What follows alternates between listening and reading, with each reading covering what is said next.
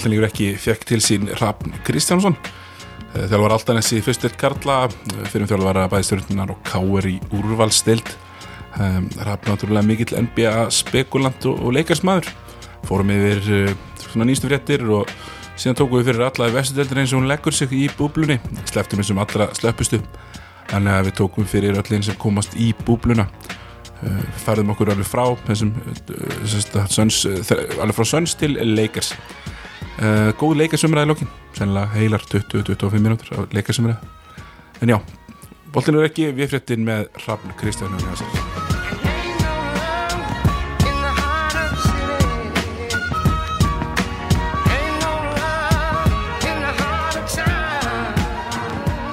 Já, komið vel, velkomin í boltin lífur ekki, ég er á þessu glæsilega föstasmotni, búið að vera mjög hugulegt í höfuborginni undanferðið og hérna eins og hérna ofta áður svo sem á sumrin, menn halda að sé betra veður á akkurir en tjekkið í tölfræðina. Hérna, boltin lífur ekki uh, með frábæri gæst í dag. Hrafn uh, Kristjánsson, velkomin Hrafn. Já, takk fyrir það. Hérna Hrafn er svona minn okkar, okkar svona designated uh, vestudeldar og, og íslenska leikars og svona sérfræðingur. Hérna Bóltin lífur ekki að sjálfsögðu í bóði Dominus Nota kóðan karvan.is til að fá uh, 30% afslátt af pizzum á Dominus.is og í appinu. Og sjálfsögðu í bóði Egil's uh, Kristallis líka. Sound Effects Hérna Ég er í bláum í dag og, og eins og, eins og öll vitið þá sést hverju drekka Egil's Kristall. Hérna, Rafnir, ertu áttuður uppáhalds? Ég er bara svona konservatífur í þessu, ég er alltaf í bláum bara. Já, já sama hérna, lang, langmest í bláum. Það er ekkert að ellastu nýjungarnar í þessu sko. Nei, nei, það er líka þar kannski ekki. Það, það er ekki að laga sem er ekki bilað. Akkurat. Það er ekki að laga sem er ekki bilaði mitt Hérna, svona, kannski örfa á svona fréttir í vikunni Svona tengt, tengt körfubolta. Við fengum hérna Íslendingar fjölmyndu á, á netsíður og hversu Jón Arnón í svona, í svona júrubaskettlið eitthvað? Já, já, ég, maður tók svo þátt í því að reyna eitthvað að kynna þann held eins og allir aðri, við erum, við erum eiginlega bestir í þessu. Já, hann er með þetta rosalegt lið sem hann er með, sko, já. Adam Hanga, Pero Andits, Mirta Teletovits og... Íslendingar eru sjaldan betur heldur þegar að safna sér saman bak við einhvers konar netkostningar, sko, hérna, Já, já, ég, það var aldrei spurning hvernig þetta myndi enda. Nei, mitt fljótir að klýra cookies og, og kjósa aftur og ekki spurning menn tilbúinir í það og svona og Hann er kannski- vel að þessu komin, ég minna Já, spilaði lítið lengi ótrúlega konsistent ferill einhvern veginn og það skiptir engum máli hvað hann hefur spilað og með hverjum við komum til leikmann hafa alltaf búrið alveg ómælda virðingu fyrir honum og ég held að það svona telji upp mikið og segir kannski meira heldur en einhver tölfræði eða, eða, eða annars líkt sko. Já, hann var búin að skapa sér svona ákveð svona nýs hlutverk það sem hann var svona þessi, eins og segir svona kannski varnar bakverðurinn í, í liðinu sínu. Já, já, sem að tekur alltaf réttar ákvarðanir og einhvern veginn alltaf verið hægt að treysta á sko.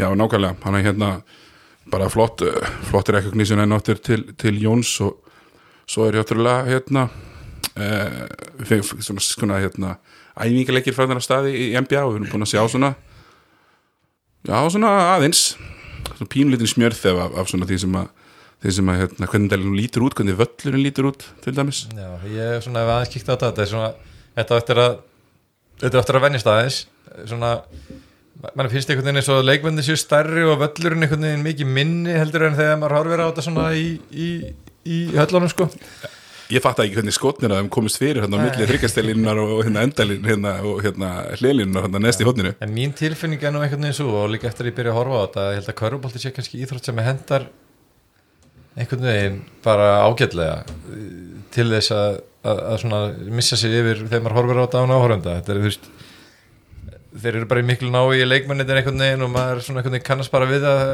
maður einhvern veginn er alltaf jafn fýraðar upp þegar maður er að spila körfu sko saman hvort það sé í íþróttahúsinu í melaskóla eða, eða í lögutasöllinni sko. Veginn, ég held að þessi íþrótt hendi ágætlega. Ég held að þetta verði vel tekist á og þú veist, þeir eru ekkert að ná að blípa út alla sound effektana, þú veist, að vera fleiri tæknivillur og þú veist, við getum fengið að heyra jú, við getum að fengið að heyra eitthvað skröðlega munnsöfnum og eitthvað svona. Já, nákvæmlega og, og svona, svona ákveðin nándi í þessu. Já, ég held að þetta getur bara orðið, orðið mjög skemmtileg sko. Já, nákvæmlega, ég hérna líka minnast á að við erum í bóði Sprettur Garðirkja Þeir eru á Facebook, finnum það þar alla, svona almenna garðinu og, og, og slíkt. Við erum með til í mjög hugulegum garðinn í hljómskálanum hérna. Já, þetta var vel við. Ég. Þetta er langhugulegasta podcastumhverfi sem ég hef setið í að já, er hljómskálinn klikkar sjaldan. Hérna, er líka fyrir hérna vinn okkar hérna í hrjónamannarhefnum að að hérna plugga hérna, hérna með þrýr og þrýr mót. Sýnist mér hérna já hérna um, um Vestlurmannahelgina sem að hérna er fyrir árganga 2020-2009 Algjörlega gekkja, ég er ána, ánað með hrunamenn sko, ég er bara svo ánað með það þegar að koma svona ferskir vindar inn í, þú veist, núna koma þeir bara inn í fyrstu til og koma bara með kvelli já, ég er ánægð með þá, bara að vera að sæna leikmenn og Já, bara frábært og þetta er bara strákar sem líta, vitum alveg að Pekovic á eftir að vera flottur enn fyrstild og hinn strákar sem líta vel út til viðbótu við það og svo gerir ráð fyrir mínu manni Flórian og svona, veist, þetta verður alltaf skal fyrstildin enda á því að verða sterkar heldur en fólk heldur sko, ég held að það verði, verði, verði raunin enn á ný sko. Já, ég er samanlega með Florian, hann, hann er alltaf nokkur leikjum ári hérna, hérna ímsu deildum. Hérna, hann klikkar sjaldan. En hérna, við ætlum að vinda okkur bara í, í NBA-dildina og svona fyrir þá sem mun ekki formati er að það eru uh, sérst, úr vestur dildinni koma fleiri lið, það er Ingis Washington Wizards sem að kemur úr uh, utan áttunda utan átta efstu liðana sérst, austanmegin, en vestanmegin eru nú fleiri, það eru mér finnst það vera svolítið skipt þannig að ég ætla kannski svona að taka það eru 13 lið sem að koma, 5 auka lið.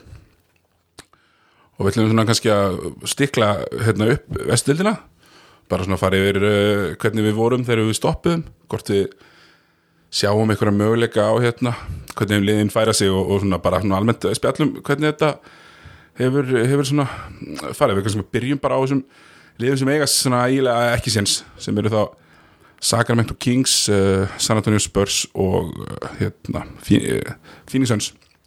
Þau eru öll alveg góðum sko hvað segir maður, þau eru fjórum já, þau eru nú ekki með fjórum til sex leik. Phoenix Suns eru sex leikjum á eftir Memphis og þeir, þeir eru loka tímabilinu sínu ekki vel, þeir eru búin að, búin að þetta er svona þrjú- 300. tímabili í röð sem að mennum langar rosalega mikið að Suns komist nálægt 50% í stöðallinu Já, það sens á sér sko alveg fyrir, ekki fyrirlega mikið, það á sér bara mikið following og þeir eru ennþá svona sveipaðir einhverjum svona run and gun, sóknar eh, ljóma hérna það var svona, já, já, það var alveg svona mikið bóhem following á, á bakveg Phoenix Suns á sínu tíma sko og sem að heldur sér að einhver leiti Já, endur nýjaðast eru einhverju liti líka hann með Steve Nass liðanum þú veist, Já, bæði- já, algjörlega sko og hérna, ég hafði nú gaman að þegar við fóruð yfir það sko að hérna, þetta var svolítið svona misconception sko, þú veist, það er margir sem að svona að ósekju einhvern veginn vilja tengja þetta fullt af bakvörðum og fjórir, fjórir fyrir utan og einn inn í skilur við, við sönsliðin sko sem að var raunin ekki því að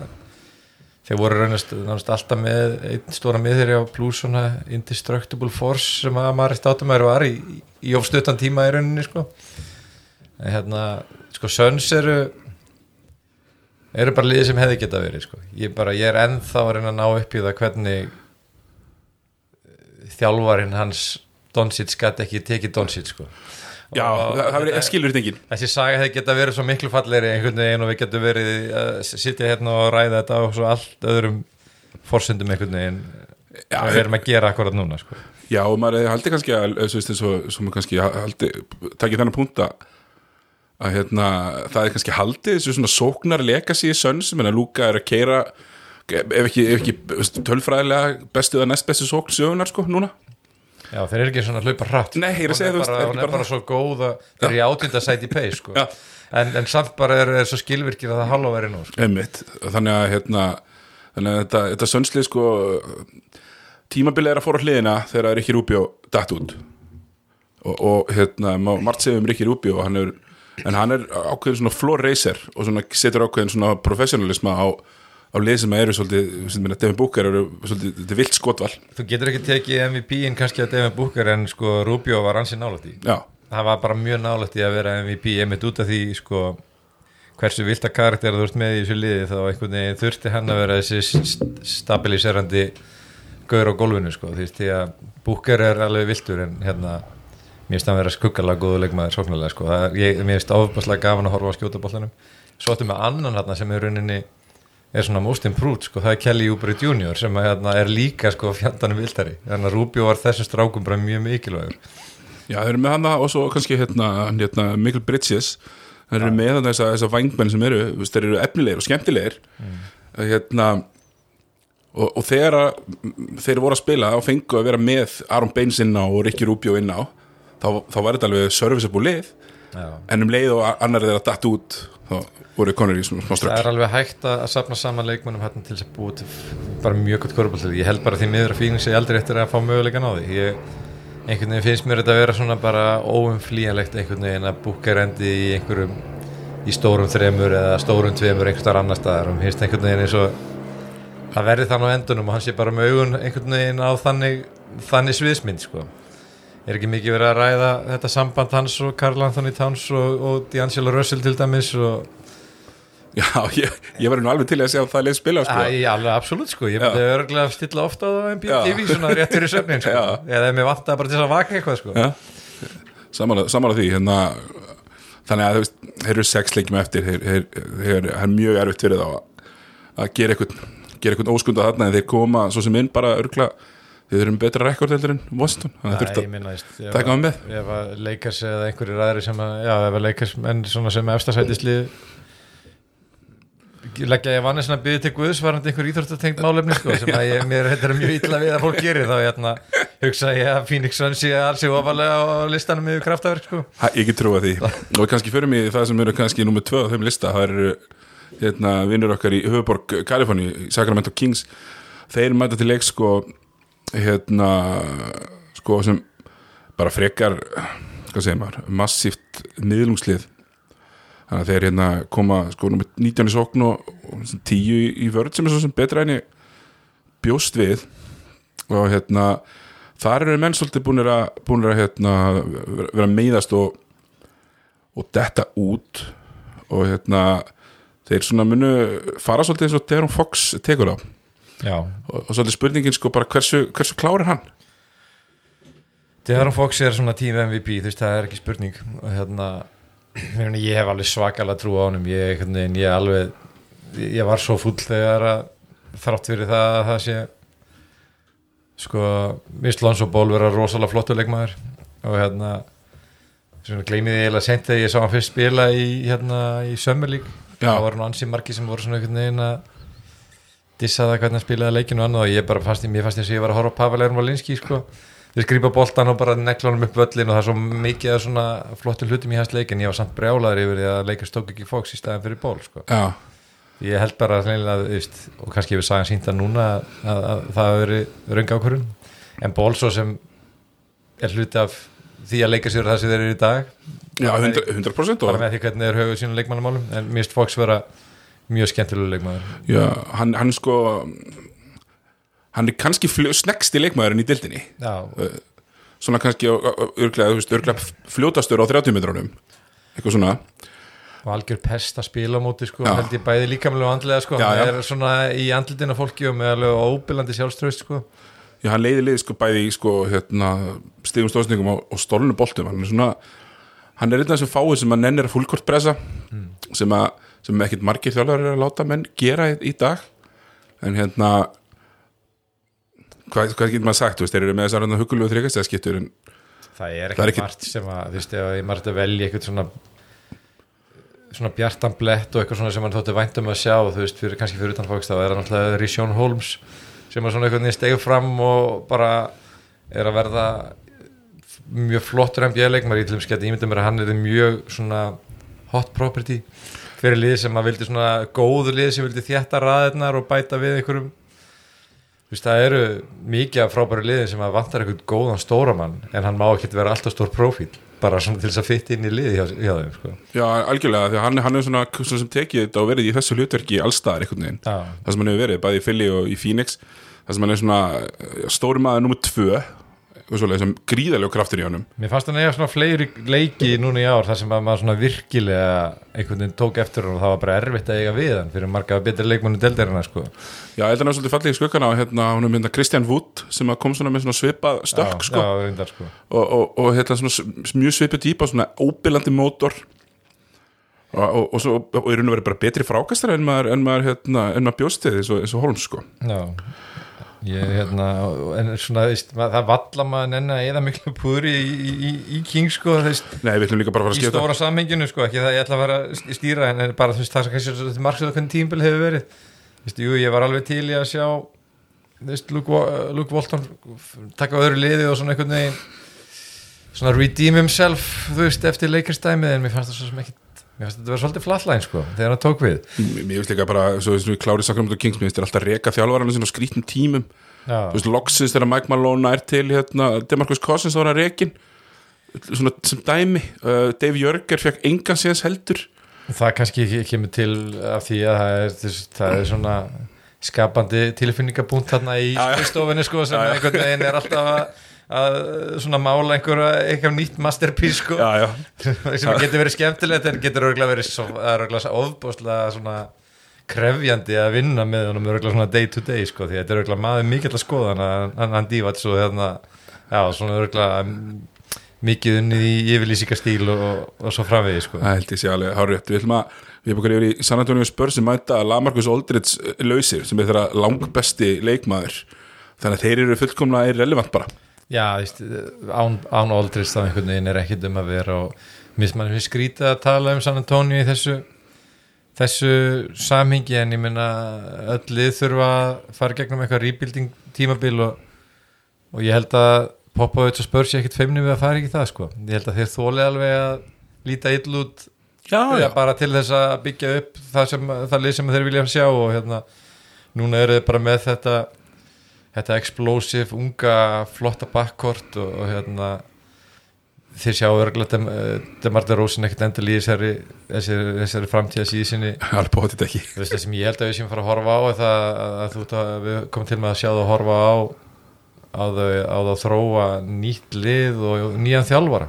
Við erum að horfa Becky Harmon þjálfa eina núna í nótt.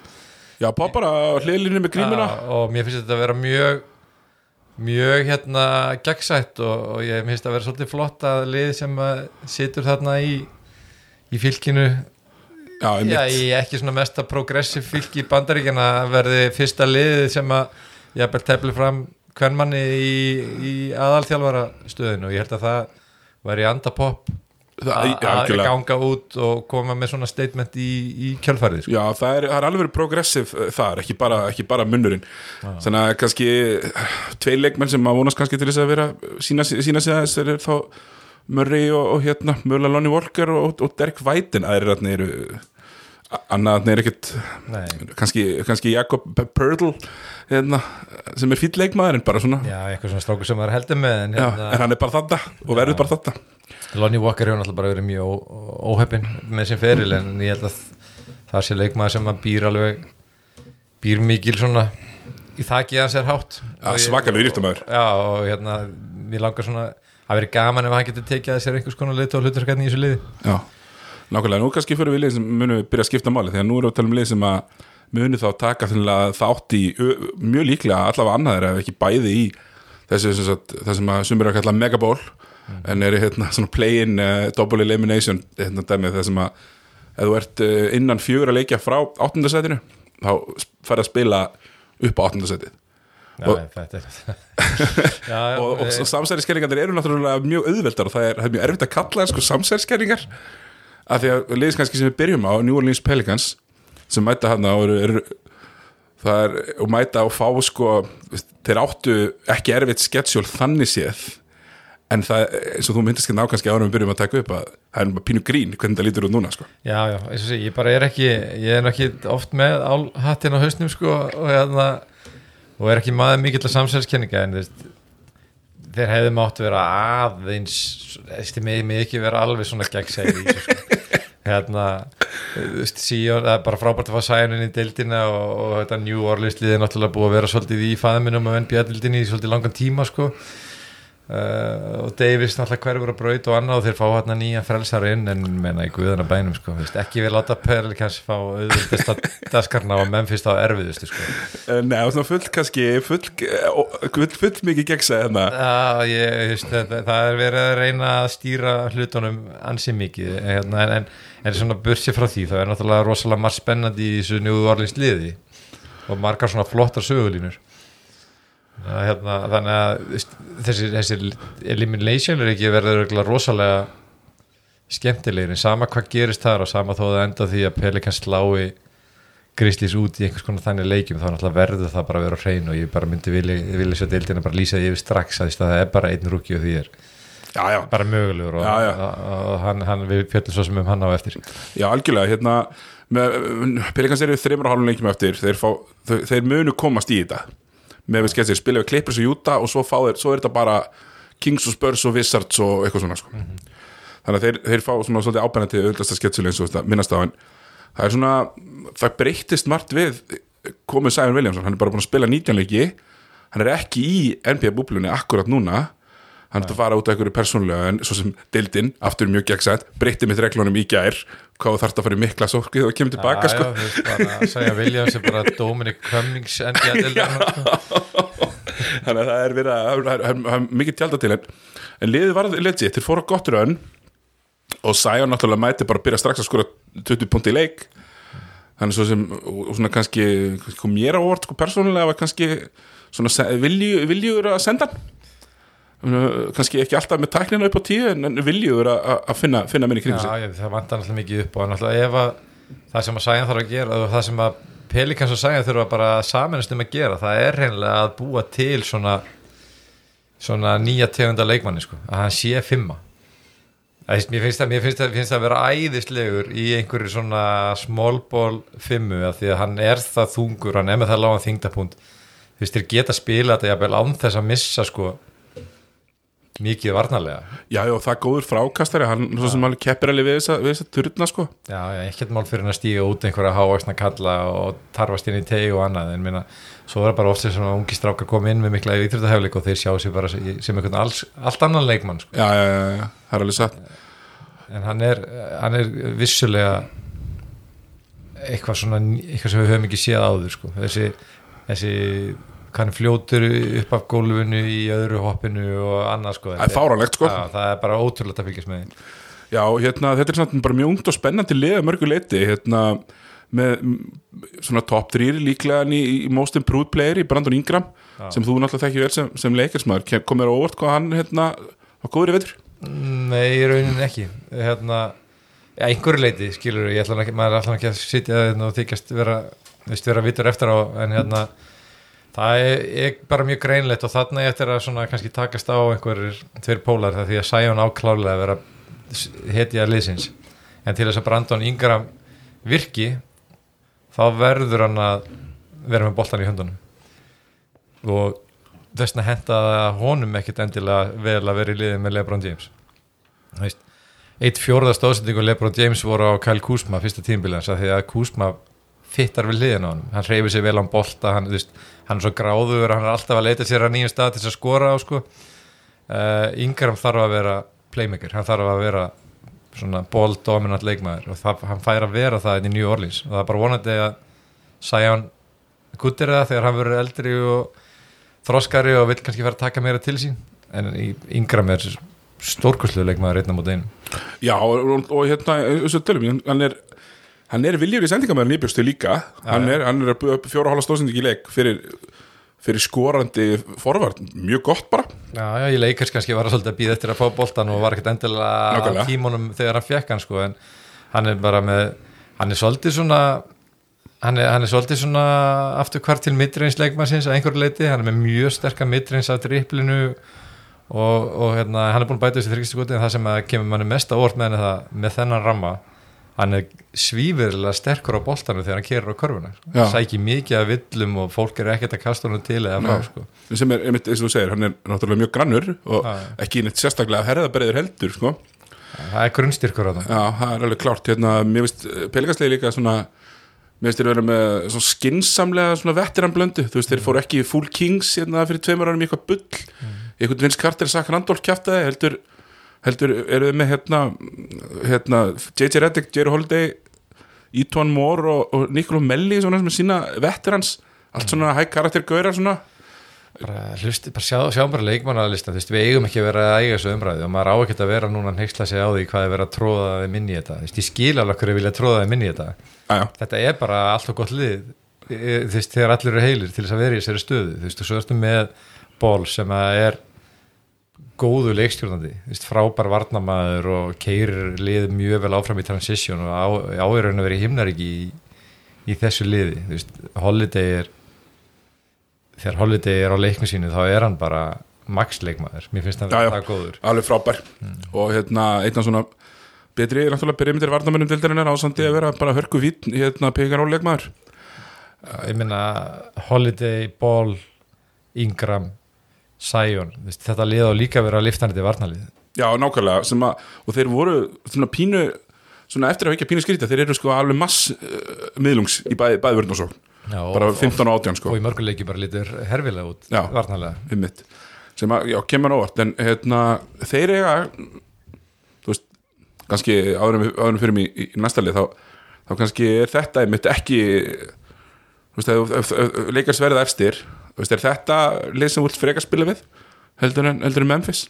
ég er ekki spenntur að spila á þessu Nei, uh, leikarsliðið í krönstæmi í, í, í play-offs kom, kom til með að keira sko mikið á á Davis í fimmunni. Já, og þá koma Pelikans bara með Sion í, í fimmunni á móti honum og hérna það hentar þeim held ég vel Anthony Davis traditionally átti til dæmis í alltaf í miklu vandræði með Blake Griffin til dæmis Já. sem gæti alltaf svona fært hann undir ringin og eliminata pínu svona skotblokkaran í á, hann á meðan að Anthony Davis lætur bara marga af bestu stórumennum deildarinn bara líta kjánalega út Já. á þessu tímabili þá Einmitt. er þetta held ég lið sem að hann er ekkit endilega æstur í að eiga við svona á consistent basis Nákvæmlega, hérna, lið sem að, lið sem að hérna, ég er mjög svona in- intrigued by er hérna Portland Trailblazers sem eru líka fjóruleikjum eftir og Portland sko þeir eru náttúrulega treyta frá sér og missa frá sér alla vangvartamærina sína fyrir tímabilið. Nurkits fótbrotnar fyrir 7-8 mánuðum og, og hérna þetta svona þetta fer mjög hratt sideways uh, þegar tímabilið byrjar, þeir lenda strax eftir á og eru búin að vera að reyna að elda playoffsæti alla veturinn með mjög bara frekar döprum árangri þegar að hérna Carmen Anthony er, starting þristuriðin og, og hérna hinn, hinn, á, hinn á vangnum er þú veist hérna Gary Trent Jr. eða eitthvað Já, sem að reynda að vist kom bara á óvart já já sko. bara fýll leikmaður en þá ertu komin samt í pínu vandræði á móti veist, að því að að vera, sko, Dame og CJ vera seint kallaðir miklir, er mjög vondir pekan rólvarnamenn, báðir Já. til dæmis en, en þeir voru að spila í nótt og þar voru þau bjóð, bjóð, bjóðir upp á hérna, byrjunlegu með hérna Lillard og McCollum, Mello í þristinum og Sack Collins í fjarkanum og Nurkits í fimmunni og þá ertu komin allt annað lið Já, já. og ég var steinhissa hvað Júsuf Nurkits lítur vel út sko. það var, já, ég held að þessi búin að passa vel upp á hann sko. Ég, hérna, ég sá það nú spila í Orlando þegar ég og, frumburðurinn Já, auðvitað. Hérna, þá reynda var Lillard ekki með sá náttúrulega mikið, mikið áfall en hérna, McCollum naut sín bara þeim betur en þú veist maður þetta er ekki neitt sem að önnur liður ekki gera sko en bara að vinna sem að var að vera að leggja þá tvo út á gólfinni fyrir leik og hérna var svakaleg sko. Það, ég, það var greinilegt að þeir voru komnir ansi langt í, í sínu líkamlega ástandi bara þarna í janúar, februar og hérna og þeir voru að gera mjög svona bara krefjandi æfingar og, og hérna drillur hann út á gólfinu þegar liðið var inn í klefa til dæmis. Þannig þeir eru bara búin að vera í þessu langa lengi ok þannig að hérna ég er ég, það er mjög mikið svona eitthvað traksjón núna varandi það að þetta sé svona sé svona það, hvað ég segja, akkilisar hend leikars að lenda móti Portland. Já, rosa er með að segja það sko. ég er ekki alveg að kaupa það þú veist, ég held bara að Nurkits þrátt fyrir það sem við erum búin að tala um núna hann sé ekki tilbúin í að klára seríu á móti liðin svo leikars og ég held einmitt eins og þú segir sjálfur ég held að leika segi of mikið af vörn og of mikið af svona physical sók bara fyrir, fyrir Lillard og, kompani bara að, að höndla sko.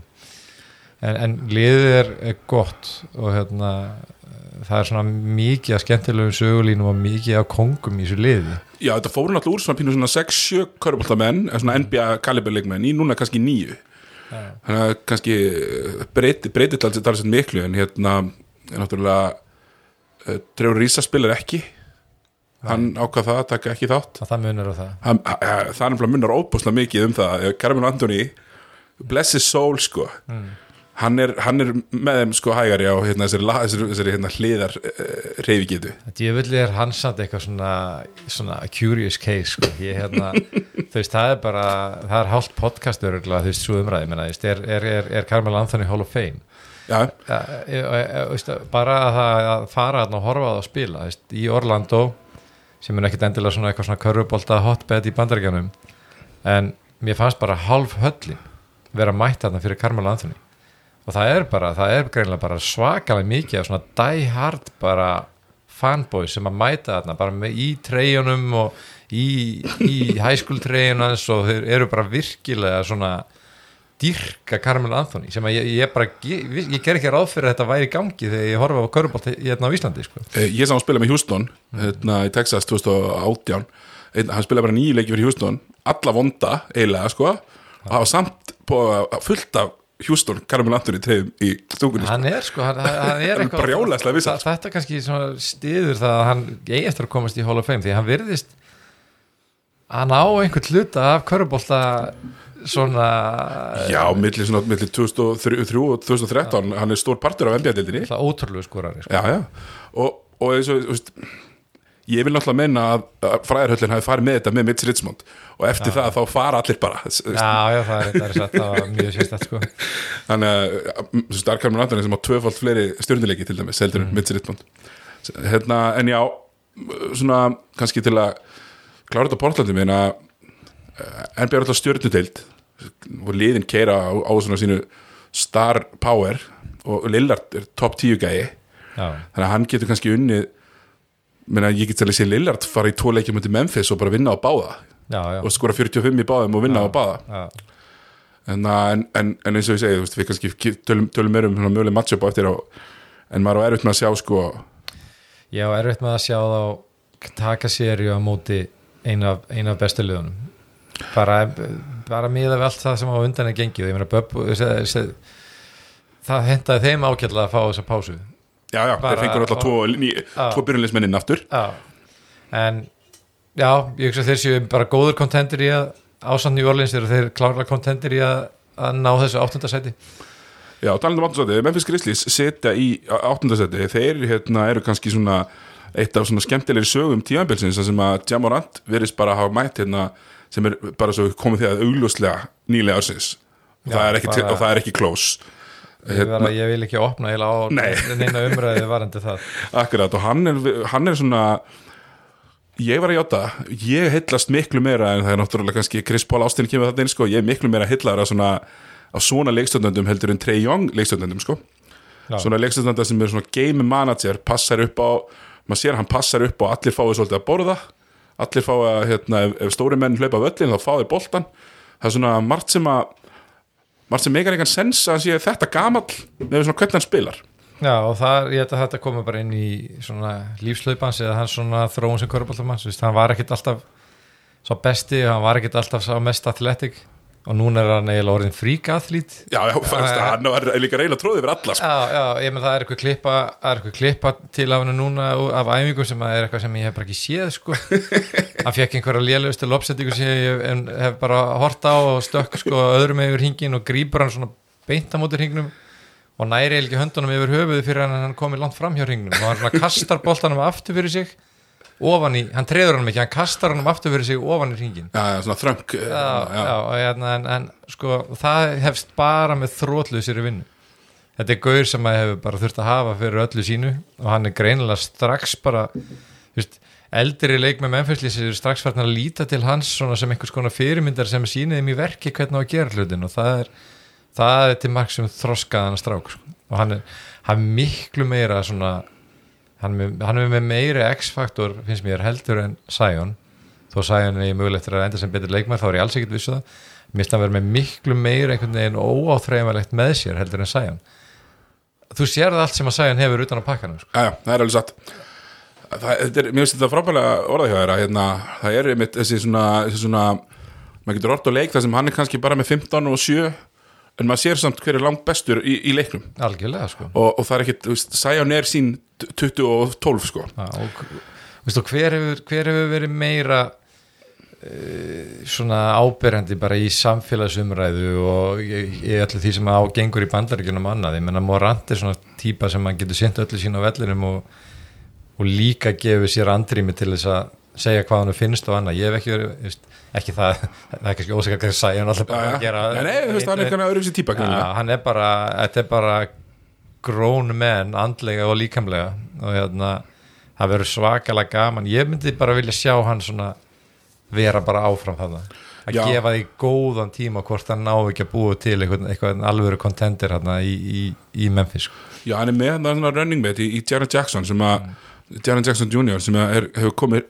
um, uh, virkilega vel inn í inn í deildina, skjóta 40% þryggjastaskotum mm. og fyrstu tveimur tíðanbölunum sínum og hérna mikill, sko skrokkur mætti kannski náttúrulega frákasta betur og svona en, en hérna það er hérna un- ungir menni í Memphis þá samt kannski Kanadamarinn hérna Dylan Brooks og, og hérna honum hérna Brandon Clark Já, Meina, og það er bara mikið að frétta hana Clark var einn af mínum svona uppáhaldsleikmönnum í þessu, þessu draftklassi sko. Já. ég vissi náttúrulega alltaf að hann er þið ekki er ekki Nei. einn af þeim stærstu en bara í, í háskóla var þetta einhvern veginn uh, þessi, þessi óskjallaða stjarnar við hliðin á Hachimura sko. en ég einhvern veginn sá alltaf já, jafnvel meiri í honum heldur en Hachimura þegar ég horfði á að spila sko. Já, þetta er bara svona ótrúlega skilvirkur þú skýtur bara vel yfir 60% utan að velli og sækir öll fráköst og góðu varnamaður frábær rullispilar fyrir hvaða lið sem er að hafa í sínu lið og ég er svona það eru pieces að í Memphis til þess að byggja ofan á. Þeir getur orðið gott lið svona næsta árum. Já þráttur eru þráttur eru ungt liði og þá eru þeir til dæmis þeir eru mjög góður í crunch time sókn ranka mjög ofalega þar þeir, hérna, þeir vanda sig veist, það eru ekki mikið um heimskulu turnover í, í lok leikja. Mm. þeir voru að vinna fleiri jafna leikið í töpu sem mjög óalgengt fyrir lið sem er borið upp á, á, á kjúklingum sko. og ég meina auðvitað væri það þannig að það væri það væri svolítið draumur að sjá þá tvo, þú veist sjá New Orleans og Memphis berjast á bana spjótum um þetta áttunda sæti sko. Já það er, það er mjög sexy. Já, Það er mjög sexy, ég er sammála því en er náttúrulega, ég held ef ég manni rétt reglunar sko, ef það eru tvölið sko, sem er innan fjóra marka sem ég, ég gerir nú eiginlega ráð fyrir að vera bæði sko, Portland og, og, og, New Orleans. Þá þurfa þau fyrst að slá anna, hvort annað út já, áður en þeim fá að spila við áttundasæti já, og að ég held að það sé bara single elimination fyrir það sko, ok. Sem að mér finnst þetta bara pínu sexy líka sko. Já, já, þetta verður þetta verður verður algjör veisla sko. Herra, þá kannski fyrir við í svona meira alvöru lið Það er ekki bara góða sögur þó að þetta sé náttúrulega líka mjög góða saga en hér erum við með besta sóknarlið dildinni og hérna um, sem býður upp á vörð nummer 17 sem er nú kannski allt í læ með hérna svona íþróttamennskuna sko í, í svona kannski svona já svona íþróttamennskuna held ég í, í, í það, mikill Maxi Kleber og, og mikill Luka náttúrulega hérna Kristaps Luka Doncic náttúrulega er það er náttúrulega fáralegt að hann, hann er það er, er verið að bera saman Trey Young skiluru sem er 30 og 10 hinn með að vinna 17 leiki. Já, Luka er að vinna 40 með bestu sókn hérna, bestu sókn í deildinni já, sem snýst í rauninu öll, öll, öll um hann. Já, veist, hann er svona hann er að bjóða okkur upp á 29 og 8 sko. Ég, sko Dallasliðið er er skemmtilegt að horfa á og það er mikil gæði í þessu liði. Það, vantar ennþá upp á. Já, já, og fyrir mig, ég veit ekki hvort það hljómar förðulega því að Dallasliðið var að bara fara fyrir eitthvað illa með leikars í fyrstu leikum tímambilsins núna, já, ég sá hann að mitt, þú áttu tvo segjuleikið ekki? Já, og leikars svona einhvern veginn ég veit ekki hvort það hefði meira með þá stöðu sem leikarsliðið var á þeim tíma eða hvað, þeir áttu svona eitthvað erleikum að krakka þá en eins förðulega og það hljómar sko, þá er ég ekki frá því, ég myndi frekka vilja fá Dallasliðið í fyrstu umferð heldur en hérna kannski New Orleans eða, eða, eða, eða, eða Portland því að hérna það Dallasliðið spila best með, með þegar Kristaps er í fimmunni og Kristaps í fimmunni á móti leikars, Já. það bara gengur enga veginn upp og hann er bara miserable já, það hann er bara sætaferðir upp að rígnum þannig sko Já, það skiptir engum máli hver það er sem sílar hann sko. Nei, nei. Það, það, það geta þess vegna veist, ef hann skiptir að skrína þá getur Lebron sílað hann þarna, veist, kúsmalikuði getur beðið um boltan á, á blokkinni að- og til þess að eiga við leikast þá að vera að spila Boban Marjanovic bara extensive mínútur og þá ertu bara farin að blæða, þá bara er að fara að blæða annar staðar sko. Já, þú veist, sko, eins og manni finnst þú gaman að sjá Boban og maður horfir á Boban spila og hann tekur hérna sóknarfrækust og skorar eiginlega hver einasta skoti sem hann tekur já. en þau, að þeir eru náttúrulega að blæða hinum einu meðan sko. hann var góður í nótt sko Já, bara, mér finnst hann eiginlega alltaf góður þegar að spila að þeir eru með þetta hérna svona, hérna, svona shotput skoti svona, Já. svona varp með svakalega tött sko rosalega töðs í kringu ringin en það sem að Dallas náttúrulega eh, þeir eru frábæri sókn, en hver ætlar að, hver ætlar að stoppa einhvern á vagnum hann þeir eru með Dorian Finney-Smith sem er fínn og svo ertu með bara já, það er erfitt, það er erfitt að sjá hver ætlar að, hver ætlar að stoppa st- Já, þeir eru sko. Lebron er náttúrulega bara standandi vandamál. Fyrir Dallas, þeir eru með Finney Smith en hann er léttur. veist, þegar til dæmis bara móti leikars þegar sko, le, þeir eru svo gladir þegar leikars starta einhver annar, þegar einhver annar fimmar inn á vellinum því að þá geta þeir geimt Kristaps þar og þá þarf Finney Smith að dekka eh, Anthony Davis og það er ekkert sérstætt heldur. Nei, nei, þá ertu að, sko, að nota þinn besta varnamann á nummer 2 optionin já og, og, og, og Willi Kóli Stein spilar ekki sko, þannig að, þannig að þetta er, þetta er bóbarn og kleper sko. En, þú veist, ég elska Donsils og hérna að horfa á hann spila veist, hvað hann er, hvað hann vera að bæta sér líkamlega og hvað hann er að gera allt rétti hérna.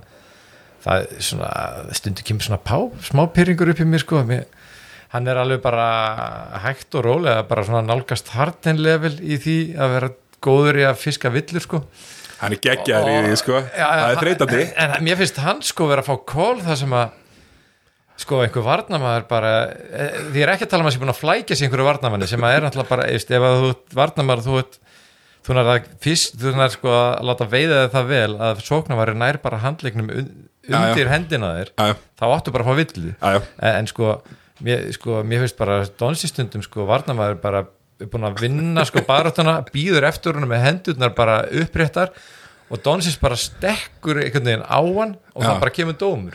Já, Veist, ég, ég, það, hann, bara honum til hross hann er búin að ná einhverju status sem er bara frábær fyrir dalarslið og þetta er bara hluti af því hvað eru eff- efficient sóknarlega. Þeir eru bara að fá víti eða gott færi í, rosalega stórum fjölda sóknarsina sko. já, finnst Donsins að taka nýju víti í leik sko, sem er mjög mikið fyrir mann sem að náttúrulega mikið af possessionum sem hann klárar eru step-back þristur sko.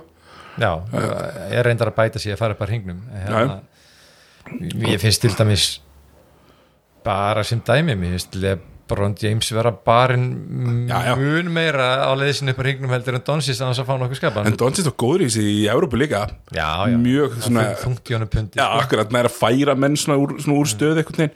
En já, ég er sammálaði hérna með þetta Dallaslið, þú veist, það er það er svona ákveðin reynsla þetta að Seth Curry mætti í nóttu 8-8 og skotið hans hefur aldrei lítið betur út sko. hann náttúrulega er hann, sé ekki, hann er annarkvort nummer 1 eða 2 hérna, með bróðsunum í þessari bestu það er fullt af liðin til í að eiga Steff Curry sko. já, já, Seth Curry er mitt. Já, Seth er ekki Já, já, en- ég ég var líka Steff sko. Já, ég held að Dallas tapi dálítið harkalega á, á hérna, því að við erum ekki með Powell. Já, Þa, það var svona þeirra eini rimrönnir og, og þá eftir, þeir, þeir hérna, geta einhvern veginn ekki komin einum á óvart í, í neinu held ég sko. þetta, þetta, er bara, þetta, þurfa að vera hetju skot sem þetta já þeir, þurfa- þurfa að eiga sko bara serju þetta þarf að vera hinn fullkomna Já, og þeir þurfa að komast sko upp í sjötasettið þegar þeir vera landir í klessu af þessum stóru vangjum sem bæði leikars og, Já. bjóð upp á. Já, ég held að það sé alveg klart hérna, þá fyrir við upp í sjötta seti það sem að svona pínu, pínu óhænta hérna, eftir, eftir brösu að byrjun og, og hérna, skipta sendendu sínum og hætta að spila með miðherja og eini miðherja þeirra er 400 ára gammal Tyson Chandler. Uh, uh, þá hérna erum við komin að hérna, Houston Rockets sem eru hérna fara úr því að vera nummer 26 í pace með, með, með hérna, Chris Paul í fyrra í fjögur núna. Og, og hérna kannski mitt svona helsta teik er að menn svona, menn svona full fljótir að tala um að smólbóli hafi virkað svona vel því að svo tapa er fjórum að sístu fimm sko, illa fara með hann á móti lélugum liðum það sem að það sem þeir lendur bara í vandræðum bæði, bæði að komast á stað þeim langar að hlaupa en þú, voru að taka varnafrákast þegar þeir langar að hlaupa. Já, þetta er þeir eru samt kannski þeir eru aðeins að færast næri því sem að sínin, sínin var sko eða þessi draumsín var sko að geta látið þetta gengi en það, það vantar en þá upp á. Ég ég veist, ég á, ég á svo erfitt með að tjá mig um þetta lið sko ég held að þú- þú veist það nú bara sjálfur um eitthvað tekist á um, um James Harden og allt eftir því sko þeir fari í töðunar á mér tveir bestu leikminn liðsins fari í töðunar á mér en á sama tíma verði að viðkjanna þú veist, hversu stórkvæmsliðið þeir eru sko. og það er nú bara oft hannig að hérna, stundu fer fólki töðan að manni fyrir það hvað þeir eru góður í því sem þeir gera sko. Já, já, meina, þú veist, villu beiti hans Hardens er auðvitað pyrrandi mér finnst hérna, fyrir mér er alltaf mér finnst bara óþáland að horfa á ákvörunatökun hjá Russell Westbrook Já. að því að, að því að allt hitt er alltaf allt hitt er alltaf og, og hérna, núna finnst manni pínu bara svona, kannski ég horfið náttúrulega talsvægt á Houston að mér finnst þér hafa svona fórna, fórna því sem gerir Harden bestan fyrir það sem gerir Westbrook bestan nú er Harden með ekkert lob threat sem þýðir það að flóterinn hans sem er, alveg, sem er alveg eins og lobbið hans sem var farin að gera mjög góða hluti svona þegar hann var að komast í áttina köruna því með þú vissir ekki hvort hann var að lobbunum eða, eða, eða, eða skjóta nú er það náttúrulega farið að það er enginn í þessu lið sem getur tróðið Nei, nei, nei. Nefna, veist, ekki, ekki þannig, sko, ekki, ekki hopp ekki Nei, nei. komið á ferðinni sko. Nei, nei. þannig að mér finnst þér pínu, hvað finnst þér um það? Mér finnst þér að pínu svona fórna fórna því til þess að mér finnst þetta að vera mjög svona gott teik sko því að hérna, ég er svo sem var ég ekki búin að hugsa þetta var, það er stundur litli hlutir sem að telja mikið. Og bara þegar þú segir það þá, þá skiptir þetta þetta lobb og það skiptir óslega miklu mála að vera með svona góðan rimrunning center með Harden. Og veist, svona laga getur getur hreinlega verið bara make or break þegar þú ert komin í, í play-offs. Að, hérna, að vera með þetta eða ekki. Og þeim, þá vantar frákastara já, veist, Vestbrúka þeirra langbæsti frákastari. Já, og, og hann hérna og ég sé svolítið fyrir mig núna að svona eins og við sáum kannski lið dekka Oklahoma að vissu leiti að núna munu leikmenn eins og, eins og Steven Adams eða Rudy Gobert sem þeir eru líklega til að spila móti þá munu liðin mæntalega bara setja miðherran sinna á Vestbrúk og, og segja bara come at me bro. Skjóttu bara eða þú vilt hérna bara komdu á mig sko, ég ætla að standa einn undir hringnum og já, hérna að þú veist, þú setur ekki miðherra en að standa með PJ Tucker út í hodni það bara, veist, þeir eru svo þeir, þeir búa svo vel að svo mörgu leiti til þess að láta þetta ganga, ég meina, þú veist, Covington og Tucker eru frábæri leikmenn að geggjaðir. hafa með Harden, það vantar bara þetta eina svona pókostik inn í liðið til þess að svona fullmóta það sóknarlega. Þetta er svo, það er svo vannmetið element í sóknarleik að vera með gaur sem að getur sett hot pick and roll dýft sér á ringin og svona einhvern veginn sogað að sér veikulíðina og, og hérna láti sko fólk af veikulíðinu velja. Þú veist, ætla ég að stinga mér undir hennar stóra gaur sko? Eða, eða ætla ég að taka þryggjastaskoti frá, frá gaurnin sem ég er að dekka sko? Sér bara hvernig PJ Tucker fór úr því að vera 21% þryggstaskita í það að vera einn besti hotn þristamæður deildarinnar og einmitt út af þessu Harden Capella pekkan róli Já, sem hann eftir opinn alltaf. og þeir eru, já, þeir eru meira svona einhvern veginn erratic þegar að eðlilega þegar að Vestbrok er komið því að það er eiginlega bara það sem lýsir honum best. Hann er svona einhvern veginn allt eða ekkert leikmaður. Sko, annarkvort getur hann tekið yfir leiki þegar allt gengur upp eða þá hann getur gjössalega splundrað öllu í kringu sig sko. og, Ég veit ekki hvernig NBA-delni virkar sko, þú veist, menn eru þetta það góðir og, og, og hérna, sérstaklega svona kannski lið sem að virða sókninda sína meir en Hjústun, Hjústun alltaf virkar á þessari drifni þar sem að þeir geta þú veist, þeir eru kannski 15 á 50 eða þeir eru 21 á 50, þá er þú búin að tapa sko. já, já, algjörlega og hérna, en þeir svona já, móti liðum sem er, þessi segi, kannski virða sókninda sína öðru vísi, þá, þá kannski lendir í því að Vestbrot tekur 5 skot í röð, hitliði skorar í 4 af 5 sóknum, þú ert komin 15 undir sko. Ég held að þetta sé bara ekki lengur það einfalt þannig að ég skil, ég skil hvað það segja, veist, ef að Hjústón nær einhverju ákveðinni lámarksnýtingu þryggja þá var það þannig að þeir voru búin að vinna í gamla dag Já, því fyrir, að- fyrir að tveimur árum. Já, því að þá varstu með þetta dilemma þú veist. þá varstu annarkvort að fara að taka þetta þryggjastaskot í burtu eða gefa þeim eitthvað annað. Já. ég er ekki viss um að það, það, það sé eitthvað val lengur af því að þú ert ekki með þetta þrett. Það er engin midreins leikmaður enda lengur. Ah, Það er engin hérna Hvað segir maður? Harden náttúrulega tekur þetta skot ekki lengur. Nei, um, En eins og ég segi, þú veist, þetta er bæði er þetta, sko, Það sem er svo fyndið Þetta er bæði mest svona var, varianslið í deildinni og sama tíma þetta er einhafasta lið í deildinni, sko, svongalega ég held að bara, þeir eru eftir að koma inn og þeir eru eftir að halda sig við það sem að þeir vilja gera og það er bara ákveðin fegur í því að, að vera bara svona trúr og sannur með einhverju svona filosófíu. En ef að þeir fara langt þá væri það algjört kraftaverk eins og við tölum um áðan veist, eh, með dalarslið þá þarf allt að ganga upp hjá þeim og allt að hrinja hinum megin til þess að þeir fari langt finnst mér. Já, þeir, þeir já, já, já, algjörlega samanlagt Þeir geta allir með sér ekki spila á móti stórulegan Nei. með, hafa bara mjög erfitt og, og það er náttúrulega erfitt líka. Þetta, mér finnst það pínu svona CJ, CJ hérna, þetta er svona CJ og, og hérna, Lillard svona pínu kannski ríkamannsins þetta betri leikmenn, svo sem. Að það er ekki neitt sérstaklega, þú veist, þeir drepast á hverju einasta skrýni, það er ekkert lagt upp úr því, þú veist, Vestbruk sem er ótrúlegur íþróttamæður Harden er ekki svona svakalegur aðlít eins og Russell Westbrook, bara öðrum náttúrulega öðruvísi. En, en Russell Westbrook hann, hann er bara með öðruvísi priorities. E, því hann getur átt leik það sem hann er super engaged og en svo leik það sem hann bendir bara. Já, svo getur hann allt leikið sem hann bara brýtur kannski tvísasunum með þrísunum viljandi. Já. að því að veist, einhver bara fór í taugarnar á hann eða einhver komst upp með að brjóta hann með hinn með án þess að dæmta hann sko. Já, þannig að það er þetta. En ég, ég er sammálaður með þetta. Kannski síðasti punkturinn er að fyrir lið sem að ætlar að skjóta ógeðslega mikið að þristum það er engin elít þryggjastaskitta í liðinu nema mögulega Erik Gordon. Og það er ekki á hverju ári, hann er mjög misjafn myndið ára. Þetta er allt 32-33% þeir, hérna. þeir hafa bara ekki nógu mikið. Nei, nákvæmlega. Herru, hérna í næsta lið það sem að kannski uh, óvandasta í, í þessari stöðu í, í deildinni Oklahoma City Thunder hérna fyrir ofan Houston Rockets. Eftir náttúrulega að hafa eftirminnilega treytað Russell Westbrook til Houston Rockets fyrir Chris Paul. Og þarna erum við með Oklahoma lið sem að er held að síðan, síðan hérna þakkagjörðarháttin var held að séu 34 og 13 bara Lakers og Bucks með betri betra vinnistöld allt síðan þá. Þetta eftir að hafa byrjað illa sko, byrjað í 9 og, nei, 6 og, 6 og 11 Já, sko, og þannig erum við að tala um lið sem spilar hægt og maximiserar hverja einustu sókn. Ég er sko ég ætla ekki að segja að ég sé skít hrættu við Oklahoma uh, en sko fyrir mér er Oklahoma bara alvöru lið. Ég er ekki djúft í veðmálafenninu sko Nei, en mér þótti vera rosalega gott og þægilegt að, að setja Oklahoma á heimavelli á móti mörgum að betri liðin deildarinnar.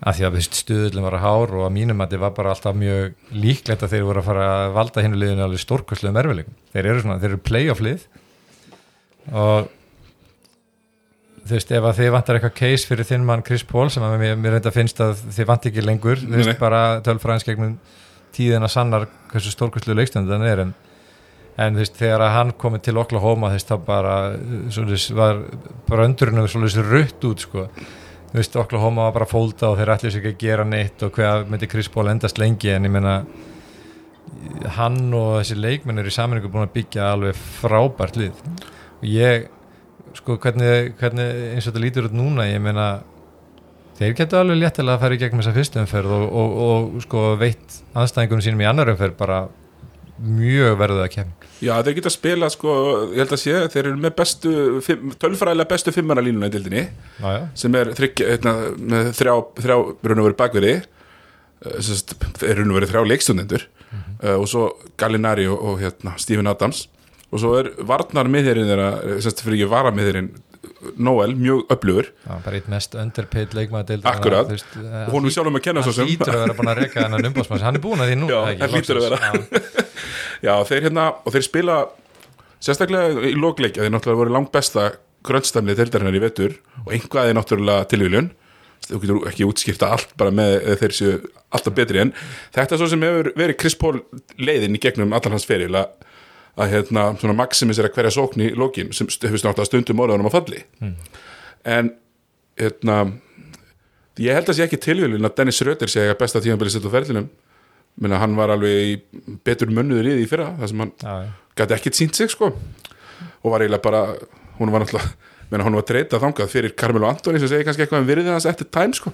Þar sem, að hann, þar sem að hann hefur verið náttúrulega þá veist það var einhvern veginn ætlast til þess að hann væri svona einhver leikstjórnandi sem að væri tógandi í einhverja spotta og, Já, já. og gæti svona einhvern veginn uh, hefði í rauninni svona taktíst heilabú til þess að ákveða hvað ákveðum væri rétt hverju sinn og annað.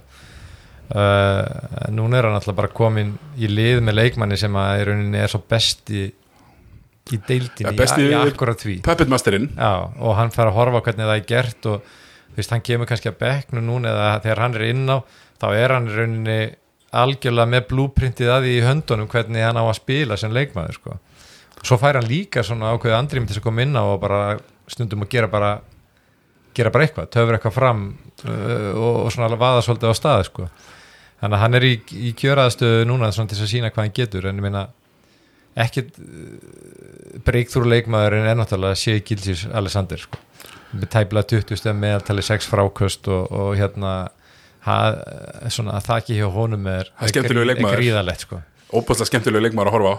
Ja, hann er svona einn af þeim sem að lítur ekkit endilega oft út fyrir að hérna, að hreyfa sig neitt rosalega hratt sko. En kemst alltaf þanga sem hann ætla sér að komast. Já, það rosalega stort vaklabúr á svona litlum flóterum og svona, svona húkum og e eitthvað svona það, það, það er mjög ríkur Martin Hermansson í honum. Jó, það er, mjög, það, er hérna, það eru tveir leikum í NBA-dildinni sem að mér finnst svona, þeim er svona í player comparison sko. Mér finnst Gildjus Alexander vera mikill Martin Hermansson sko.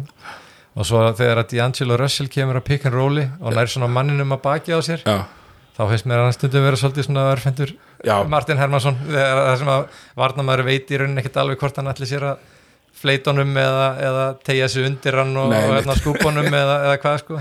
Nei, mitt, ég hef mitt vort á mitt, hérna eins og ég vort á James Harden alltaf Chris Paul gerir þetta mjög mikið fá vartamenn á mjöðminna og halda þeim fyrir aftar sig sko.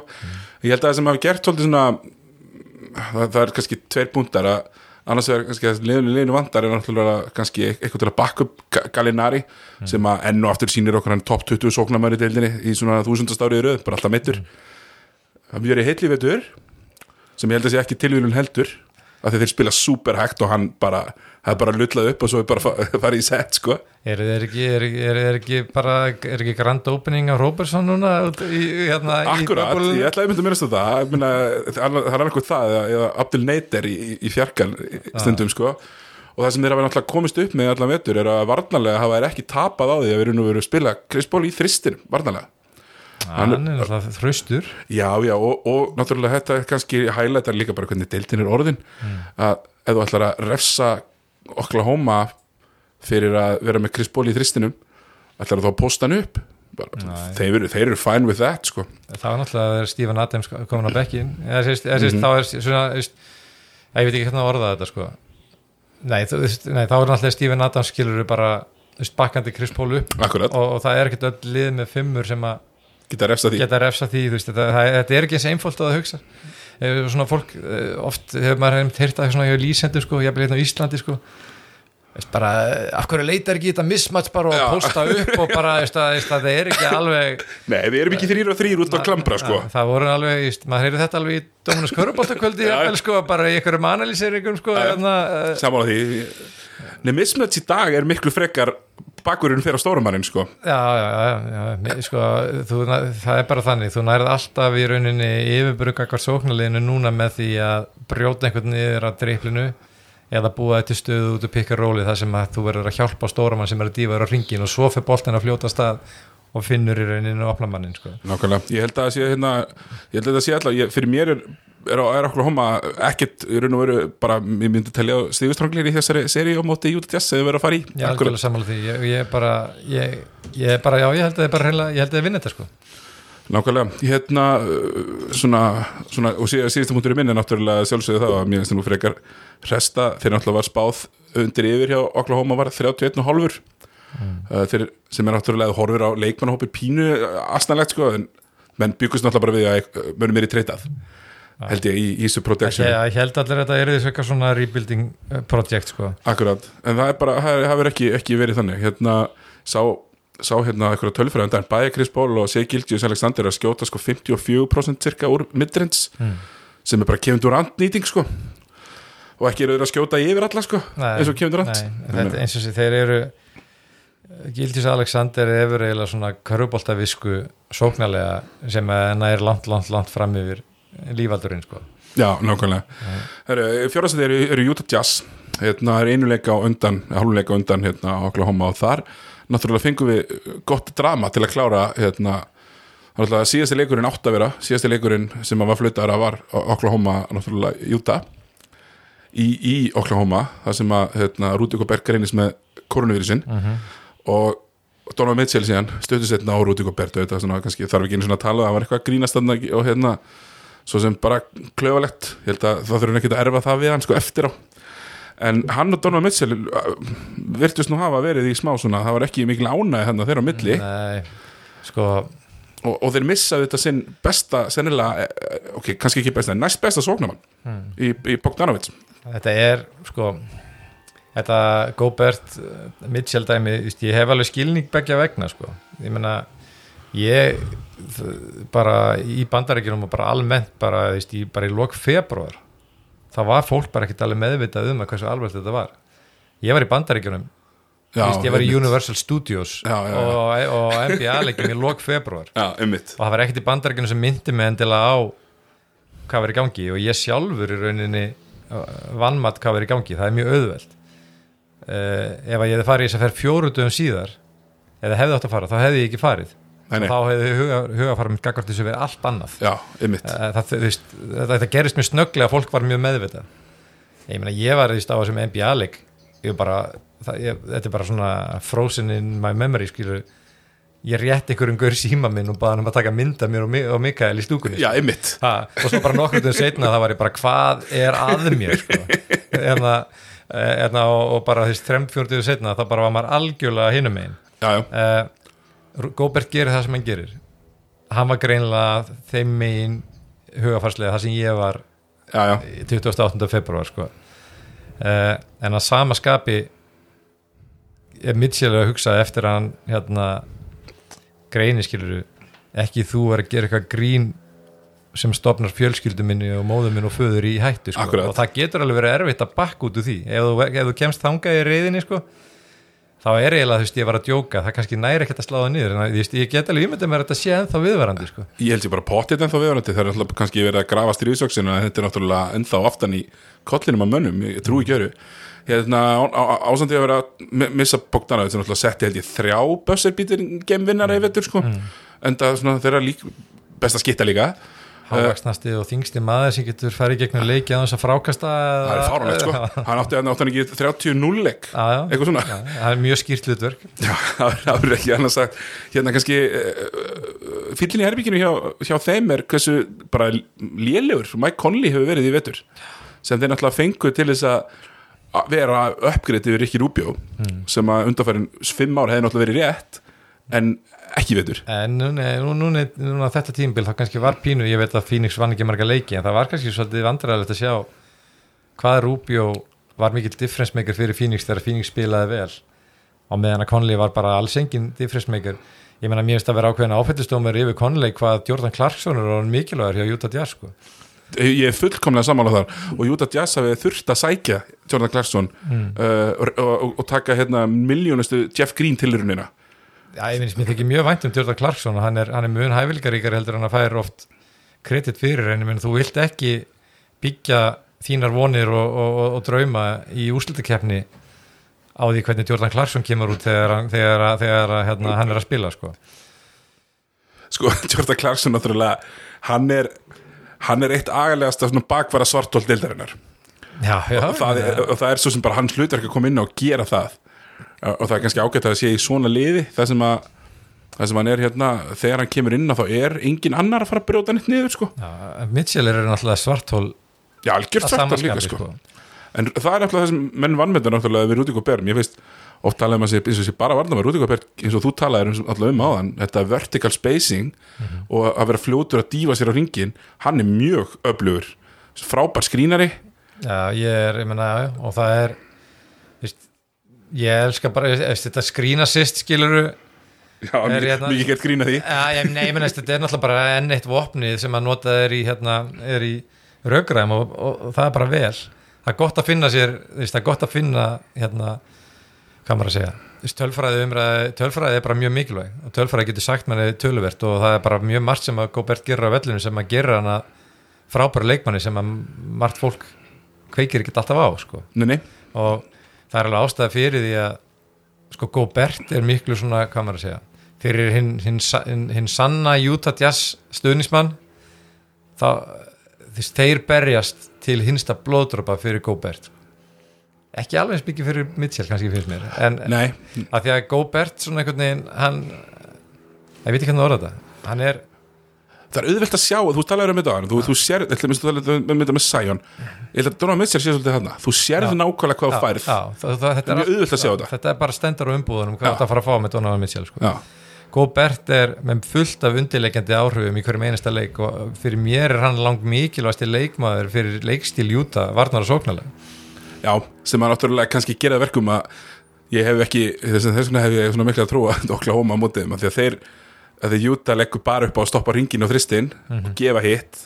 Þegar Gobert náttúrulega er ekki alveg nóg snöggur og löpmann til að geta, sko, hann er ekki dreymund grína að mæta á bakka, sko. En ég held að kannski það gerir Rúti Gobert rosalega gott að fá Joe Ingles í byrjunlið aftur.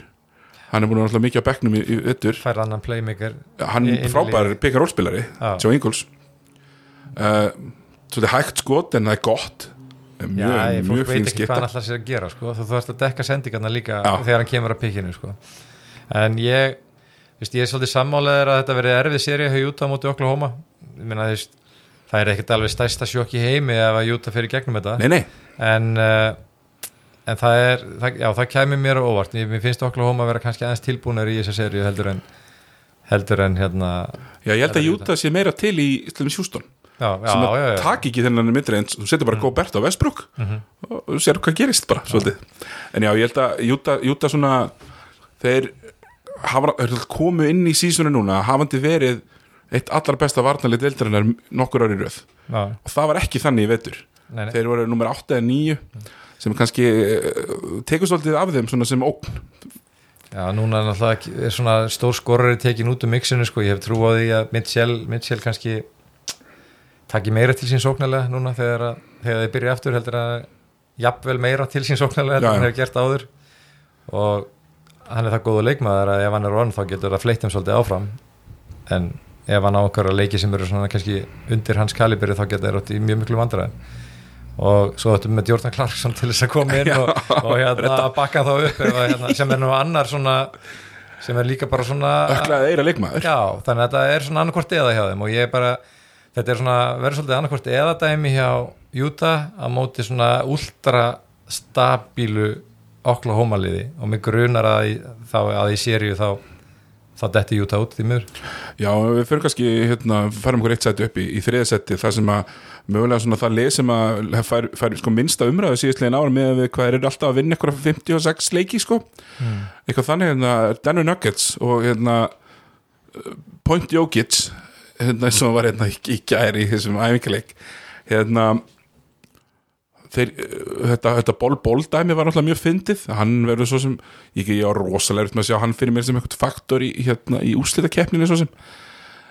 En þeir, þeir hérna, náttúrulega stórumanna rotationu þeirra er rosalega sett með, með hérna Jokic og, og hérna Millsap og, og hérna Plumlee og, og Jeremy Grant. Sko Denver eru mjög gott lið.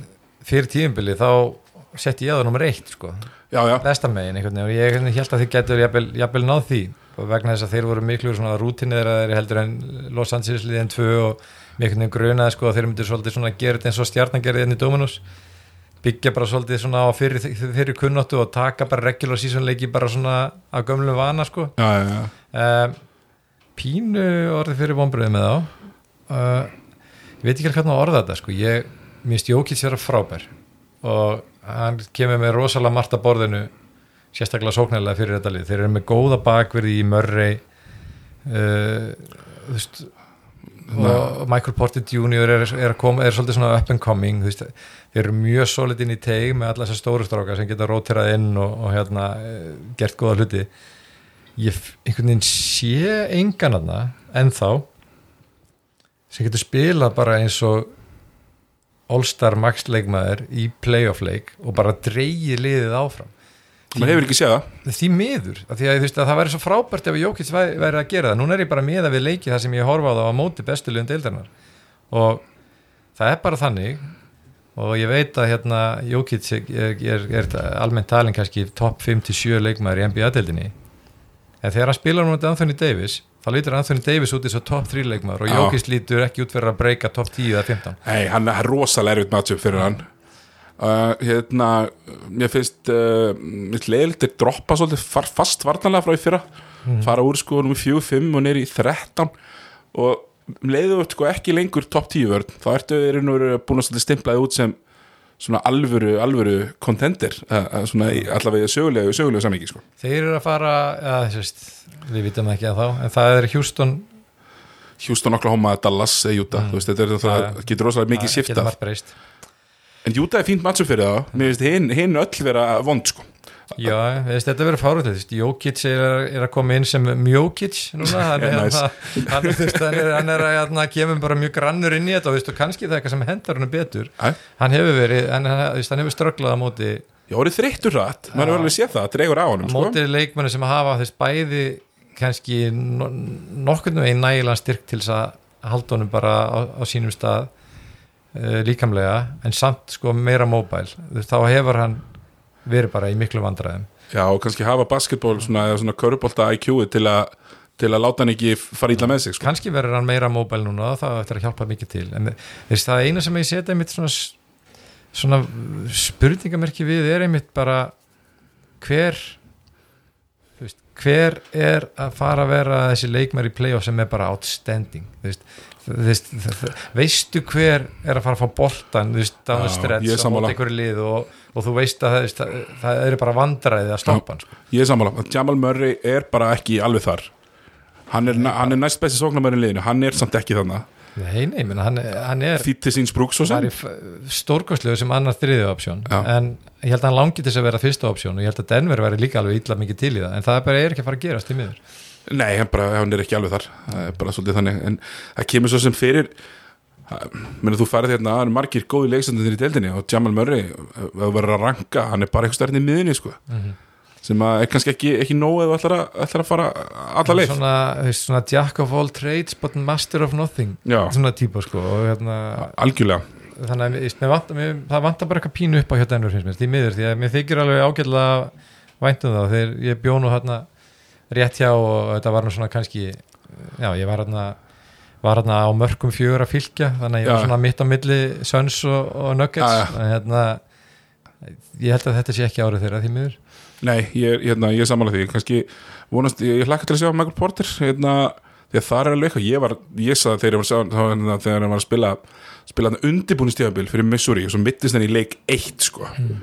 Og ég var bara, þetta, þessi gæði verður bara pikkaður 1-2 Nei, þetta var bara maðurinn í- hæskúl var bara maðurinn veist, þetta, hann, var, hann var þessi hann var þessi Sion, hann var þessi þú veist, maður búin að sjá hann síðan hann var 15 sko. þannig ég hérna, vonast til þess að fá, fá hann til að hérna, gera eitthvað. Við ætlum að fyrir við í, í, í næsta eftir lið sem eru þá uh, Los Angeles Clippers sem eru nú pikk uh, hjá, hjá mörgum núna og, og, og svo sem fyrir, fyrir tímabili líka. Clippers liði kannski það býður upp á talsverða breytt þeir eru nummer þrjú í, þrjú í sókn og, og, og hérna fimm í vörð og ég, þeir hafa bætt svolítið við sig svona þeir sem líður á tímabilið og eru, það verður að segast að þeir eru með óbúslega marga legit NBA leikmenn. Meina sko 13. maður í mínutum hjá þeim er Patrick Patterson sem er fyrir mér reyndar ég, ég er alltaf treyst á hann og bara vera með góð sko en hérna. En, en, þeir kom ekki til með að gera það en ég meina það er hægt að færa rauk fyrir því að, að mesta breytt deildarinn að líka í, í, losins, í klippersliðinu já, og, og þeir í rauninni hafa alveg verið að framkvæma sitt plan vel og, og þeir litu til dæmis bara mjög sannfærindu út á móti leikast þá til í síðasta leik tímabilsins. Já þá, þá er mitt vittist manni líka sem vera svolítið stóri fyrir á Já, leik, já, já, við komum svo sem að leika sá eftir. Uh, ég svona ég, mig grunar að það sé svona pínu pyrrandi að vera búin að keira eitthvað veist, eitthvað svona kvíldarprogram fyrir þinn, sinn besta leikmann í gegnum allt tímabilið og svo, ke- svo kemur bara hvað sem er tveggja mánu að pása ætla, load mileage í þessum átta já, já, ég meina það var mjög greinilegt þetta var, var tvennskona plan í gangi þú veist, klippers voru bara klárlega að keira sama prógram á rapturskjöru þeir ætluðu sér að, að toppa í playoffs, þeir voru að passa upp á sína leikileikmenn í, svona með, í, með því sjónamiða og meðan að leika þessu bara, heyrðu við bara spilum þangar til að við erum búin að vinna nú marga leiki til þess að vera nummer eitt. Leikast geta kvilt sko. Já, já, og svo, svo náttúrulega eru þeir geta þeir alveg léttilega kvílt það fyrir náttúrulega bara eftir hvað, Já. hvað Gaurin vil gera. En hérna, þeir geta það léttilega núna. Þetta voru tvennskona plön uh, og ég held einhvern veginn að sko þetta er, leikers, það komur alltaf vel út fyrir klippis að fá þess að pásu upp á það að núna Pól Djórs að koma sterkur inn eftir pásuna. En ég held að það hafi sannað sér núna að plani hjá leikers var aðeins betra. Ég meina, Paul George var ekki merkilegur í vetur. Þetta Nei, er ekki nei, nei, nei. inn og út náttúrulega svolítið. Uh, hann, hann, er, hann er að bjóða okkur upp á sko þú veist, 21 stig með 42% nýtingu.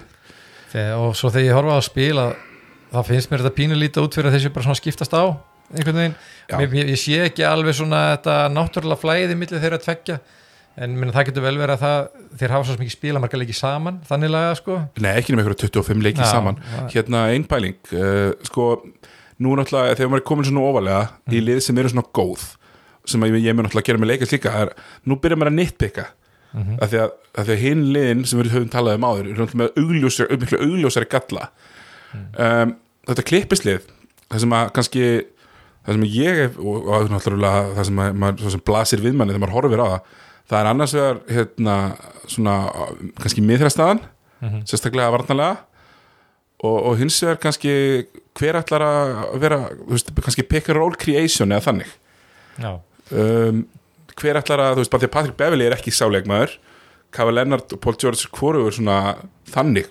spilari, þeir eru meira að fara bara og sækja körfuna.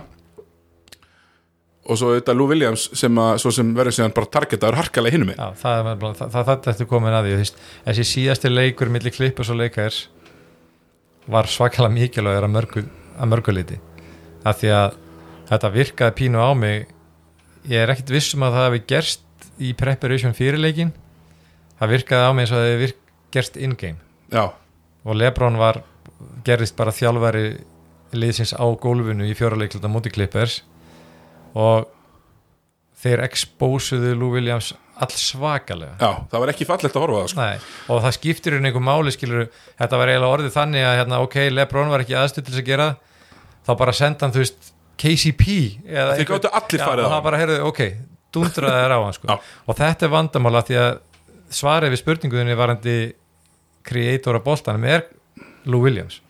Hann er frábært í krönstæðum á boltanum og fær oft bara ekkert endilega það verið ykkur sem hann á skilið.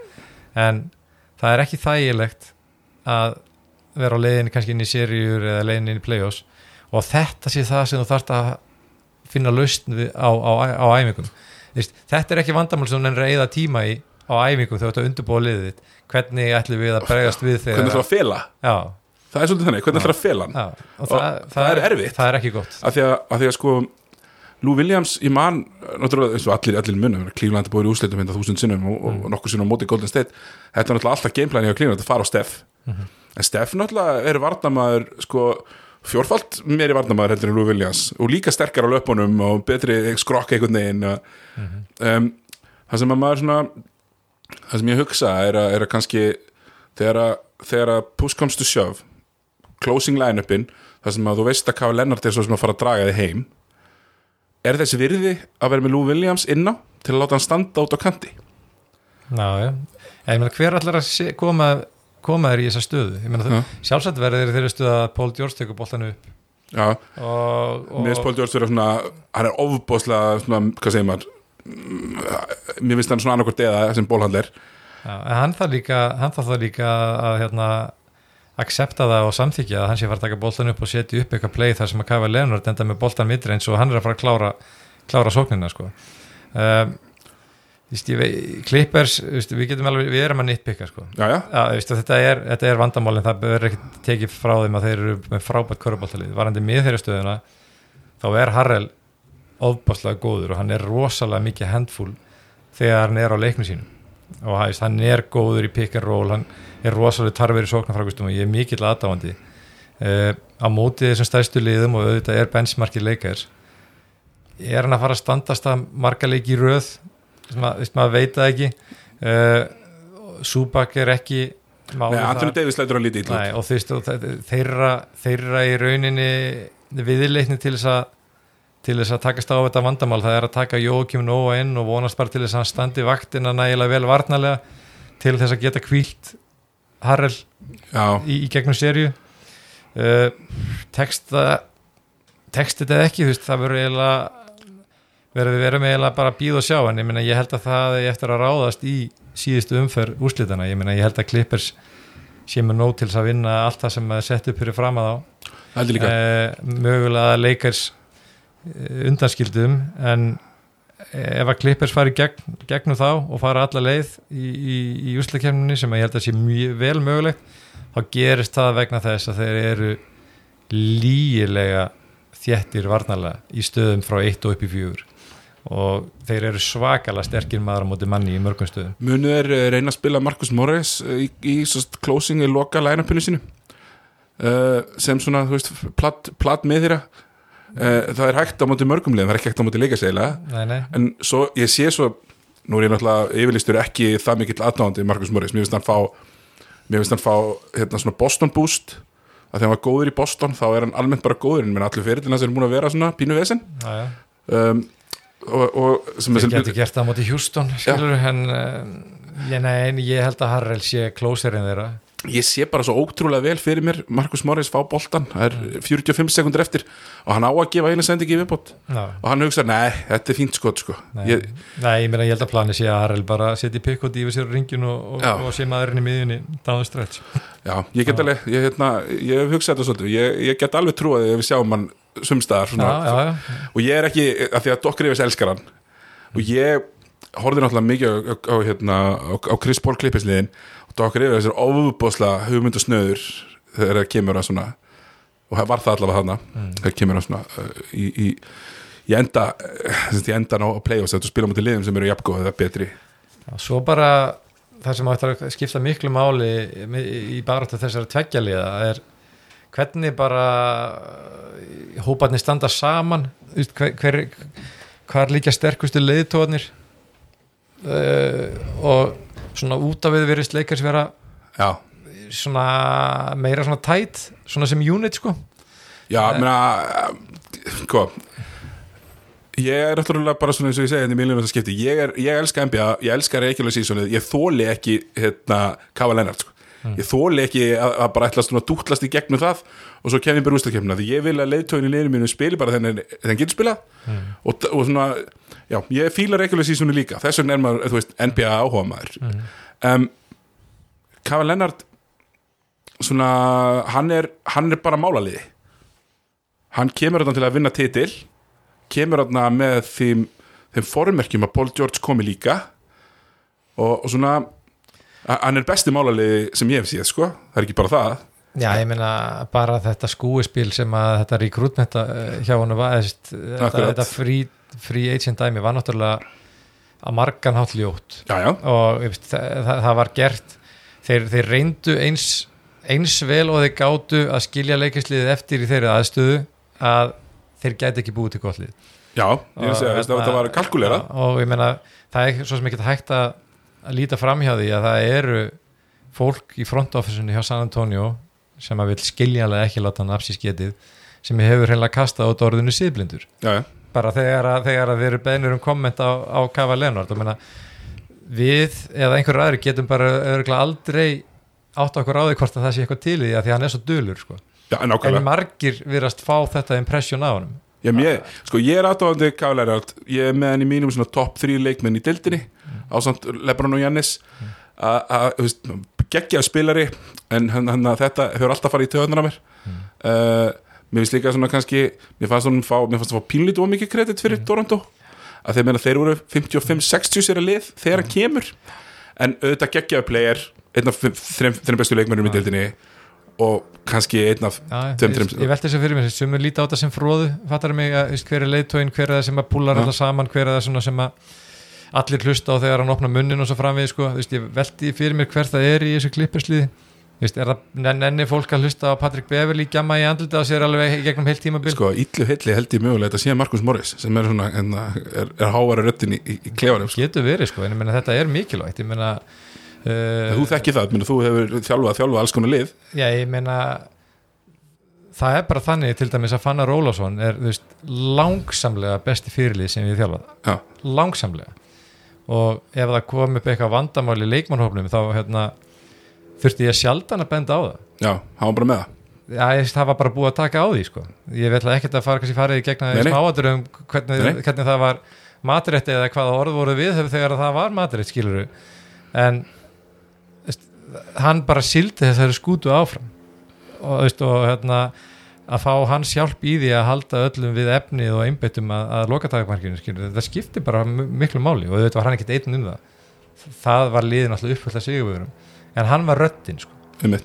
það, og það þarf að vera svo rödd sko. Já, nákvæmlega, hérna, nú ætlum við að fara hérna yfir í, yfir í lið sem að klára nummer eitt, eru með fimm og halvan leik í forskott og munu klára sem lið nummer eitt í vestöldinni, Los Angeles Lakers, þeir náttúrulega verða fyrir, kannski að mí- að mínu mati, kannski overblón blóðtöku í hérna eh, yfir í Bradley sem að dettur út. Uh, Rassi Rondo er meittur í einhverja sex vikur, þannig að hann vantalega kemur inn á einhverjum tímpúndi, ég er náttúrulega yfirlýstur Rondo heitir svo sem.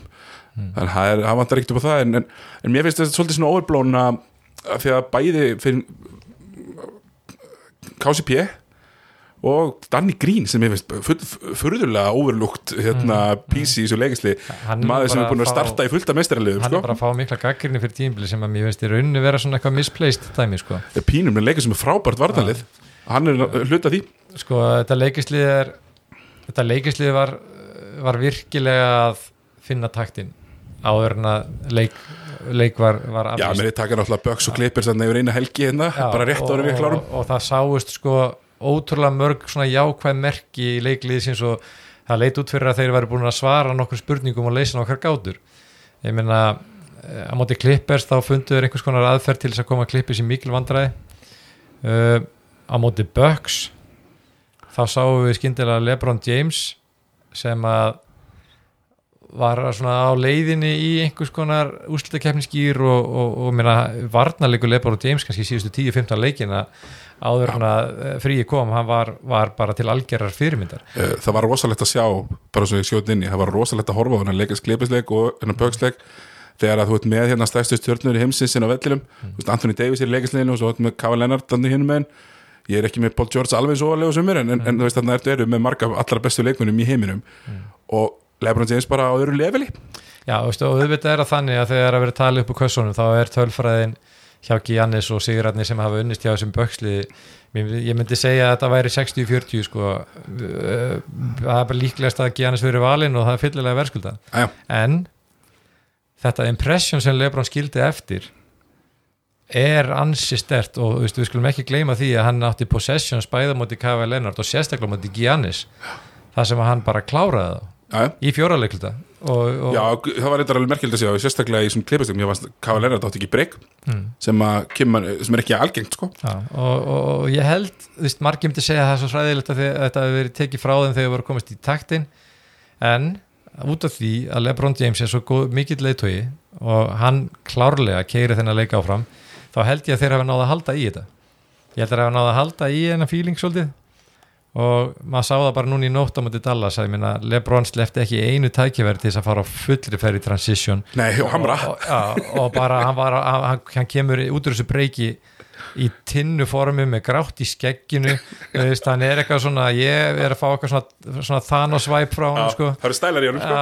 Og hérna þú veist, og þegar ég tala um rödd þá, þá hérna þá, þá er ég að tala um það þess þér tala um leikaskurðinir, ég meina hann dettur inn í Whatsapp-grúpuna og segir bara, þú veist, djöfulli saknaði þess að spila ekki með eitthvað djöfulli hlakkaði Já. til að byrja að taka við með eitthvað svona, veist. Þeir vita þetta eru ég, ég, ég er ekki, þú veist, að sjá veist, að, þú veist allan að það færið ekki voice message frá Kava Leonard Nei, inn í einhverja Whatsapp-grúpu að segja eitthvað svona, sko. Sko, ég hef alltaf verið hrifnari af þessum svona hérna, lítir stíl. Þessum hérna svona svona einhvern veginn eins og þú talar um svona þessum yfirvofandi pappan í liðinu skilur líka mm.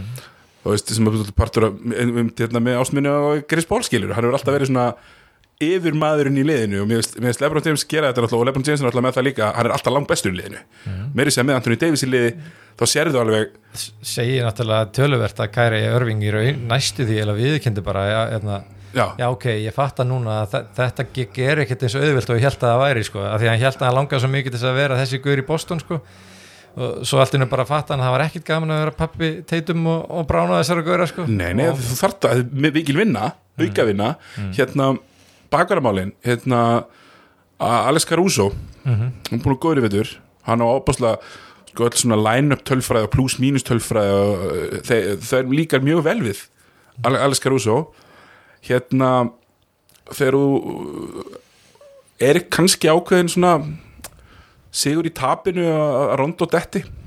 Já, ég meina það skiptir, mér skiptir með einhver máli hvort það sé Caruso sem kemur inn eða, eða einhver annar. Já. fyrir mér þá hérna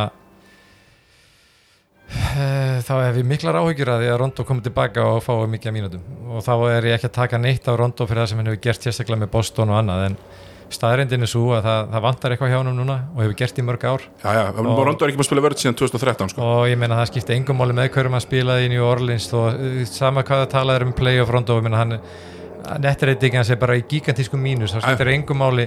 Þú veist, hérna, Cousins og Davis voru í rosalega miklu pluss saman nema þegar Rondo var með þeim og þá skyndilega var liði í mínus og, og það sama með leikastli núna þá þú getur ekki fundið nein jákvæð svona merki körubóttilega séð á liðinu þegar Rondo er inn á. Uh, hvort það sé Caruso er einhver annar sem pekar upp slagan mér finnst það nánast ekki skipta neina máli í þessu, þessu samhengi. Uh, en Caruso bara í nótt Já, fann ég að það vantaði Caruso til þess einhvern veginn að binda saman uh, einhver svona tengsla millir byrjunarliðsins og, og backsins við sáum náttúrulega tvo, tvo ríkaða, uh, bæði Dion Waiters og, og hérna, J.R. Smith spila í nótt mm. þú veist Waiters náttúrulega lítur alltaf út eins og hann lítur út sko. Mm. hann er, alltaf, hann er aldrei skorinn en, en hérna, mér finnst hann svona kannski að pínu, pínu ekstra já, kannski, kannski skiljanlega einhverja leiti sko en, en svo er að kannski þartu gauðra eins og, og Veiters og, og hérna, J.R. Smith að koma inn í einhverju leik og, og segja pínu bara fuck you og taka fjögur contested þryggstarskot sko. svona kannski rétt svo í klári eins og með Caruso sko, veist, það er alveg klárt eh, veist, ég kallar þetta kannski svona Herbert Guðmundssonar uh, effektin, Já. fattur mig, það verður svona pínu fyndið að hampunum og það, honum er svo sem ekkert mikil greið gerði með því að veist, að hún sé hampað sem einhverju frelsara, fattur mig? Nei, nei, en staðarindin er samt svo, hann er í 11. sæti í NBA-deildin í já. spilandi 17 mínútur í leik. Og hann er ságaur sem að komplementa LeBron James einna best. Og hann leysir fullt af hlutverkum sem að þarf að leysa í þessu liði. Og fyrir það er hann mjög mikilvægur. Uh, hann er miklu meir íþróttamæður heldur en Já. hérna, yfir í bralli og er rondo mikil íþróttamæður, jú, jú, hann er að skjóta bara tæpla 36% í þristum núna en hann var 48% tímbil og undan. Lebron James tristur hún til þess að grípa og skjóta þegar hann er þegar hann vantar eitthvað átlet þannig að, hann er og, og hann kemur alltaf 110% ég, ég finnst Dion Waiters og J.R. Smith þeir voru báði svakalega jákvæðir í nótt. Uh, Waiters, jú, jú, hann er með hann, hann er bara með eilífa barnafjötu á sér sko og kannski meira af henni held, núna heldur en hefur áður en hann er playmaker. Já, big og, game player. og, og hann er gaur sem að fittar vel í þetta hlutverk þegar að Lebron sest að vera með boltan í höndunum því hann getur búið sér til síst eigi skot. Hann er underrated þegar hann vinnur manni sinna driplinu í að rétta stóra manninu boltan eða, eða finna einhvern þó hann sé náttúrulega í grunninn sjálfselskur sko.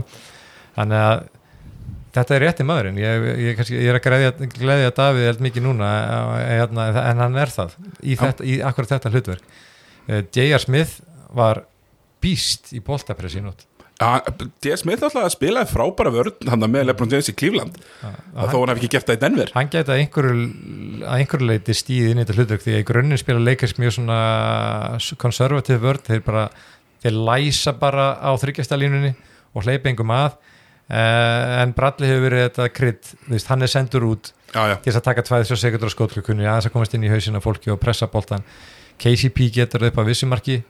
Uh, en ég fannst J.R. Smith kom inn núna og kredit á hann, hann kemur í góðu líkamlegu ástandi, hann hefur ekki verið mikið í henni sínu núna í COVID-pásunni og hann var að pressa boltan fyrir allan peninginu nótt. Kannski tveir punktar hérna. Um, hérna annars vegar um, í þessum stóru matchupum sem að við bjúumst fastlega við að leika störu að spila við Clippers og mjögulega Bucks í úslitum meina hvaða raketu bakverður er þarna sem að við munið hérna, sakna yfir í bralli svona svakalega með? Hann er, hann er ekki það, hann er ekki þarna.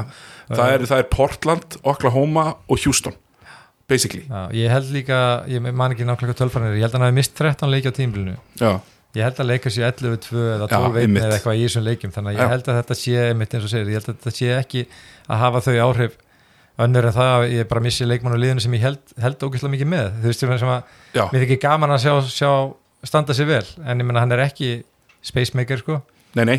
Hann skora sínar hverfur komandi af tvöföldu skrínu og upp í midrange jumper sem er ekkit sem að það vantar eitthvað svakalega mikið sko. nei, ég, hérna, og, og hinn punktur var kannski svona eh, allavega, ég horfði á talsvægt marga leikisleiki og mér fannst mér fannst hérna mér fannst innkoman hjá hérna, Markíf Morris mjög jákvæð. Uh, sem, að- sem kannski gefur þeim ákveð svona fimmana line-up til að loka sem að uh, sem einhvern veginn, mér veist það make a sense. Þegar þú ert komið Davis í fimmuna að, að þau eru ert með þessar stóru vængmenn eins og, eins og til dæmis klippið sér með að geta, geta byggt bóðið upp á Markíf Morris líka sem að mér veist það eru konservatívar í skotvælinu heldur um bróðu sinn. hann, hann er agaður í bróðurinn og hann er Já. ekki eins upptekinn að því að hann sé einna bestu sóknarmönnum einmitt, liðsins þegar hann er á gólfinu. Já, við sammála því, þetta er mjög gott pick-up og kannski pick-up sem að kannski þrengir aðeins að Kyle Kuzma. En það, var bara, það, það er bara allt í lægi Já, já, það var fínt að fá Kuzma betur upp á, upp á tætnar og hérna Kuzma síns mér reyndar að vera að koma mjög beittur já út- sko, út- við viljum alveg að Kuzma taki sín skotskiliru Mhm. en ég held að Kuzma sé aldrei leikmaður sem verður í closing five í síðustu fjóra mínútundar í hann átt að vera það, hann átt að vera í byrjun tíðinbils já, en ég held að hann hafi spilað sér svolítið út úr því sko. Já, og það virtist vera þegjandi samkomulag um það að ef að Lebron var ekki á gólfinu þá átti Kuzma að taka síðasta skotið því að hann hefur trú á sér, hann hefur svona já, höfst, hann heldur að hann hittur öllum skotum, hann bara já, hann er já, svo langt frá því að hann hafi gert það Já, já. já, já, en, en hann er, það er klárlega gott að hafa hann upp á, upp á breytina og, og annars líkt, mér finnst leikasliði bara líta virkilega vel út. Og ef ég ætti að velja núna veist, algjörlega blákalt og ekki svona eitthvað hlutrækt þá, þá finnst mér þið vera líklegri akkurat núna uh, til þess að fara út úr vestrinu. En ég menna auðvitað eru kli- eh, mér finnst þetta að vera að leika sig að klippers og, og ég er með þetta 55-45 já. eh, hjá mínum mönnum. Og hérna, en, en þú myndir hérna, þú myndir sjálfur bara hérna, kannski um, já, bara kannski velja fyrir mig NBA-meistara, svona áður en við, en við förum, bara svona út í loftið Já, kannski rétt bara því að við verum örgulega komið fram yfir þess að vanalega hérna, já, þess, ég er svo eini sem er að gera hérna, hlaður hruna, ég er með endur þessum tíma sko. að Ég sko, ég myndi ég vil kannski aðeins drepa á Anthony Davis. Já, endilega, og, og kannski, Og- kannski laumar að mér með kannski þínu drauma drauma line-upi til, til að loka leikjum. Sko, já, í fyrsta lagi kannski finnst mér Anthony Davis líða svolítið fyrir það hvað hann er fjölhæfur og hvað hann tikkar í mörgboks og kannski líka fyrir það að vera með Lebron James í liði þegar Lebron James fer þá kemur einhver annar gaur inn sem á eftir að vera möguleg því hlutverki Vist, vegna þess að Anthony Davis eh, tekur ekki boltan oft og býr til akkurat skotið sitt sko. en mér finnst það bara að vera eitthvað svona fancy way of thinking about it sko. Vist, hann er efstur í stigum, frákvöstum vörðuskotum mögulega stólnum boltum Vist, að, eh, hann er efstur í ótrúlega mörgu tölfræð þáttum og það sem meira er, hann lætur topp 5 leikmenn líta kjánalega út þegar þeir í, e, þegar þeir bara koma innan bara í radíus við hann sko. þannig að fyrir mér er hann miklu að herra yfir, á lista yfir bestu leikmenn deildarinnar heldur en aðri líta á Mhm. kannski svipaðan hátt og Pippen var miklu að herra og átti að vera miklu að herra á, á þeim listum heldur en fólk gaf hann mendilega kredit fyrir og mér finnst það snúast miklu meira um leikstíla heldur en heldur en gæði sko. Uh, en að því sögðu þá hefur það verið dragbítur á leikasliðinu að þeir hafa verið svolítið svona keitira fyrir honum og rondo og fleirum eitthvað og virðist vera stundum eins og það sé verið að hafa ágjörði hvað þeim finnst sko. já það, mér langar ekki að spila fimmu dæmi Já, ég ekki langar ekki spila fimmu þú veist og það, svo er til eitthvað sem þetta playoff rondo og hann hefur svo ótrúlega mikil áhrif á jákvæð áhrif á fólki kringu sig, þú veist, bara flott þá bara má hann bara hafa þau áhrif, bara hva, hvar sem er annar staðar heldur hann á vellinu þar sem við verið að skora á hann í annar hverju sók sko. Já, já, Það er hérna, uh, en besta line-upið fyrir mér er klárlega með Davis í fimmunni. Já, uh, það er með Lebron á boltan það er með Danny Green verður að vera þar. Uh, bara til þess að grípa og skjóta og vera annar svona vera annar svona hvað maður að orða ég það meina Danny Green gerir ekki mikið að vitlisum nei bara playoff proven Já, sigurvegari. Uh, þið vantar mann sem er góður í vörnum boltan mm og getur hitt skotum. Er það ekki bara J.R. Smith? Þa- þa- Þannig er þetta komin að, að vandamálinu sko. Veist, ég held að uh, oft á tíðum hafa þeir ætlað sér svona settla á bralli og vona að myndi hitta eins og hann gera á múti klippers minnum mig að manni hvort á múti klippers eða bugs Klippis, sex tristar sex tristar það er ekki alveg líklegt til árugus það verður þannig að ef að Caruso er að hitta en hann þarf að hitta þremur tristum í fyrirháleik Já, til þess að vera hana þá verður hann hana já 100% saman að því. Uh, og ég held að KCP og hans á svipumsta hvað það varar ef þeir eru að fungera það er kannski óþægild að vera með fimmanalið sem er ekki með fastan fimmtamann. Þeir eru kannski í þeirri stöðu en J.R. Smith já. er rosalega mikið svona looming Þannig við erum þá, þessi þriði leikmaður. þannig við erum þá að tala um sko Lebron og Anthony Davis. Mm. og Danny Green eru, eru þrýr, þeir eru fastir. Þeir eru fastir. Ég, ég held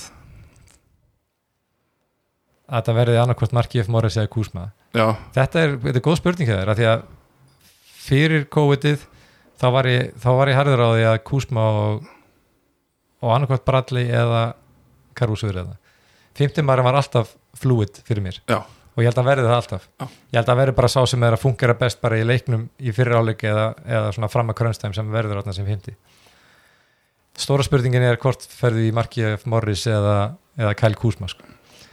hvort ferði í Gutsi Gaurin sem getur hitt úr einhverjum stórum skotum og, og hefur alveg maður hikar nú til dags að tala um pung við skulum ekki, ekki, Nei, ekki nei. tala um það en Nei, nei, bara þetta guts í það að gera það eða tekur Gaurin sem er betri varnarlega og getur hitt úr catch and shoot skotinu í mínum huga, og ég ætla að vera ósamræða svolítið, ég held að Kuzma verða þarna oftar eða ykkur unnar, af því að þú verður að hafa fleiri heldur en einn sem að getur málað eitthvað út fyrir bóksið í fimmannaliði það er erfitt að vera bara með einn sem á að punktera vörnina þína, þú þarft eiginlega að hafa tvo. Og Kuzma getur það upp á vissum marki. Hann getur það með því að kötta off the ball hann getur Ég var bara, Bara- svo erfitt með að horfa eins og, nýtinguna skúsmaði vetur sem er bara Já. ekki búin að vera góð. Mm. En það er auðvitað rétt hjá þér, það er þetta element, en svo spyrir maður sig sko, það, en er það kannski þá að þá ertu kannski með konservatívan Caruso hérna, og þá ertu kannski með, með Kuzma, en ef þú ert með Vildan J.R. Smith, þá ertu kannski með að Markif við, erum konum með, með málamiðli núna. Já, Já, ég, við, við, getum, getum hoppað á milli þessar að tveggja lænaba já, ég, ég er alveg sáttu við það. Herri, ok, geggjað. Hérna, NBA meistarar ég verð ekki algjörlega unbæjast í þessu. Ég, ég vona að þeir komist í gegnum Clippers mínu minni leikars og ég ætla að draga eins mikið og mögulega skeitt út úr þessum leikars böksleik þar sem að þeir áttu svörin við Giannis varnalega í gegnum Anthony Davis og Lebron. Ég held ekki getum gert ráð fyrir Bucks upp úr austurinu, svona Mm. ef enginn meiði sig sko, ég ætla að segja leikars í sjö. Leikist í sjö. Herri, það er bara geggjað, hérna bóttin lífur ekki og við þetta þakkar kærlega fyrir sig, Rafn, takk kærlega fyrir komuna.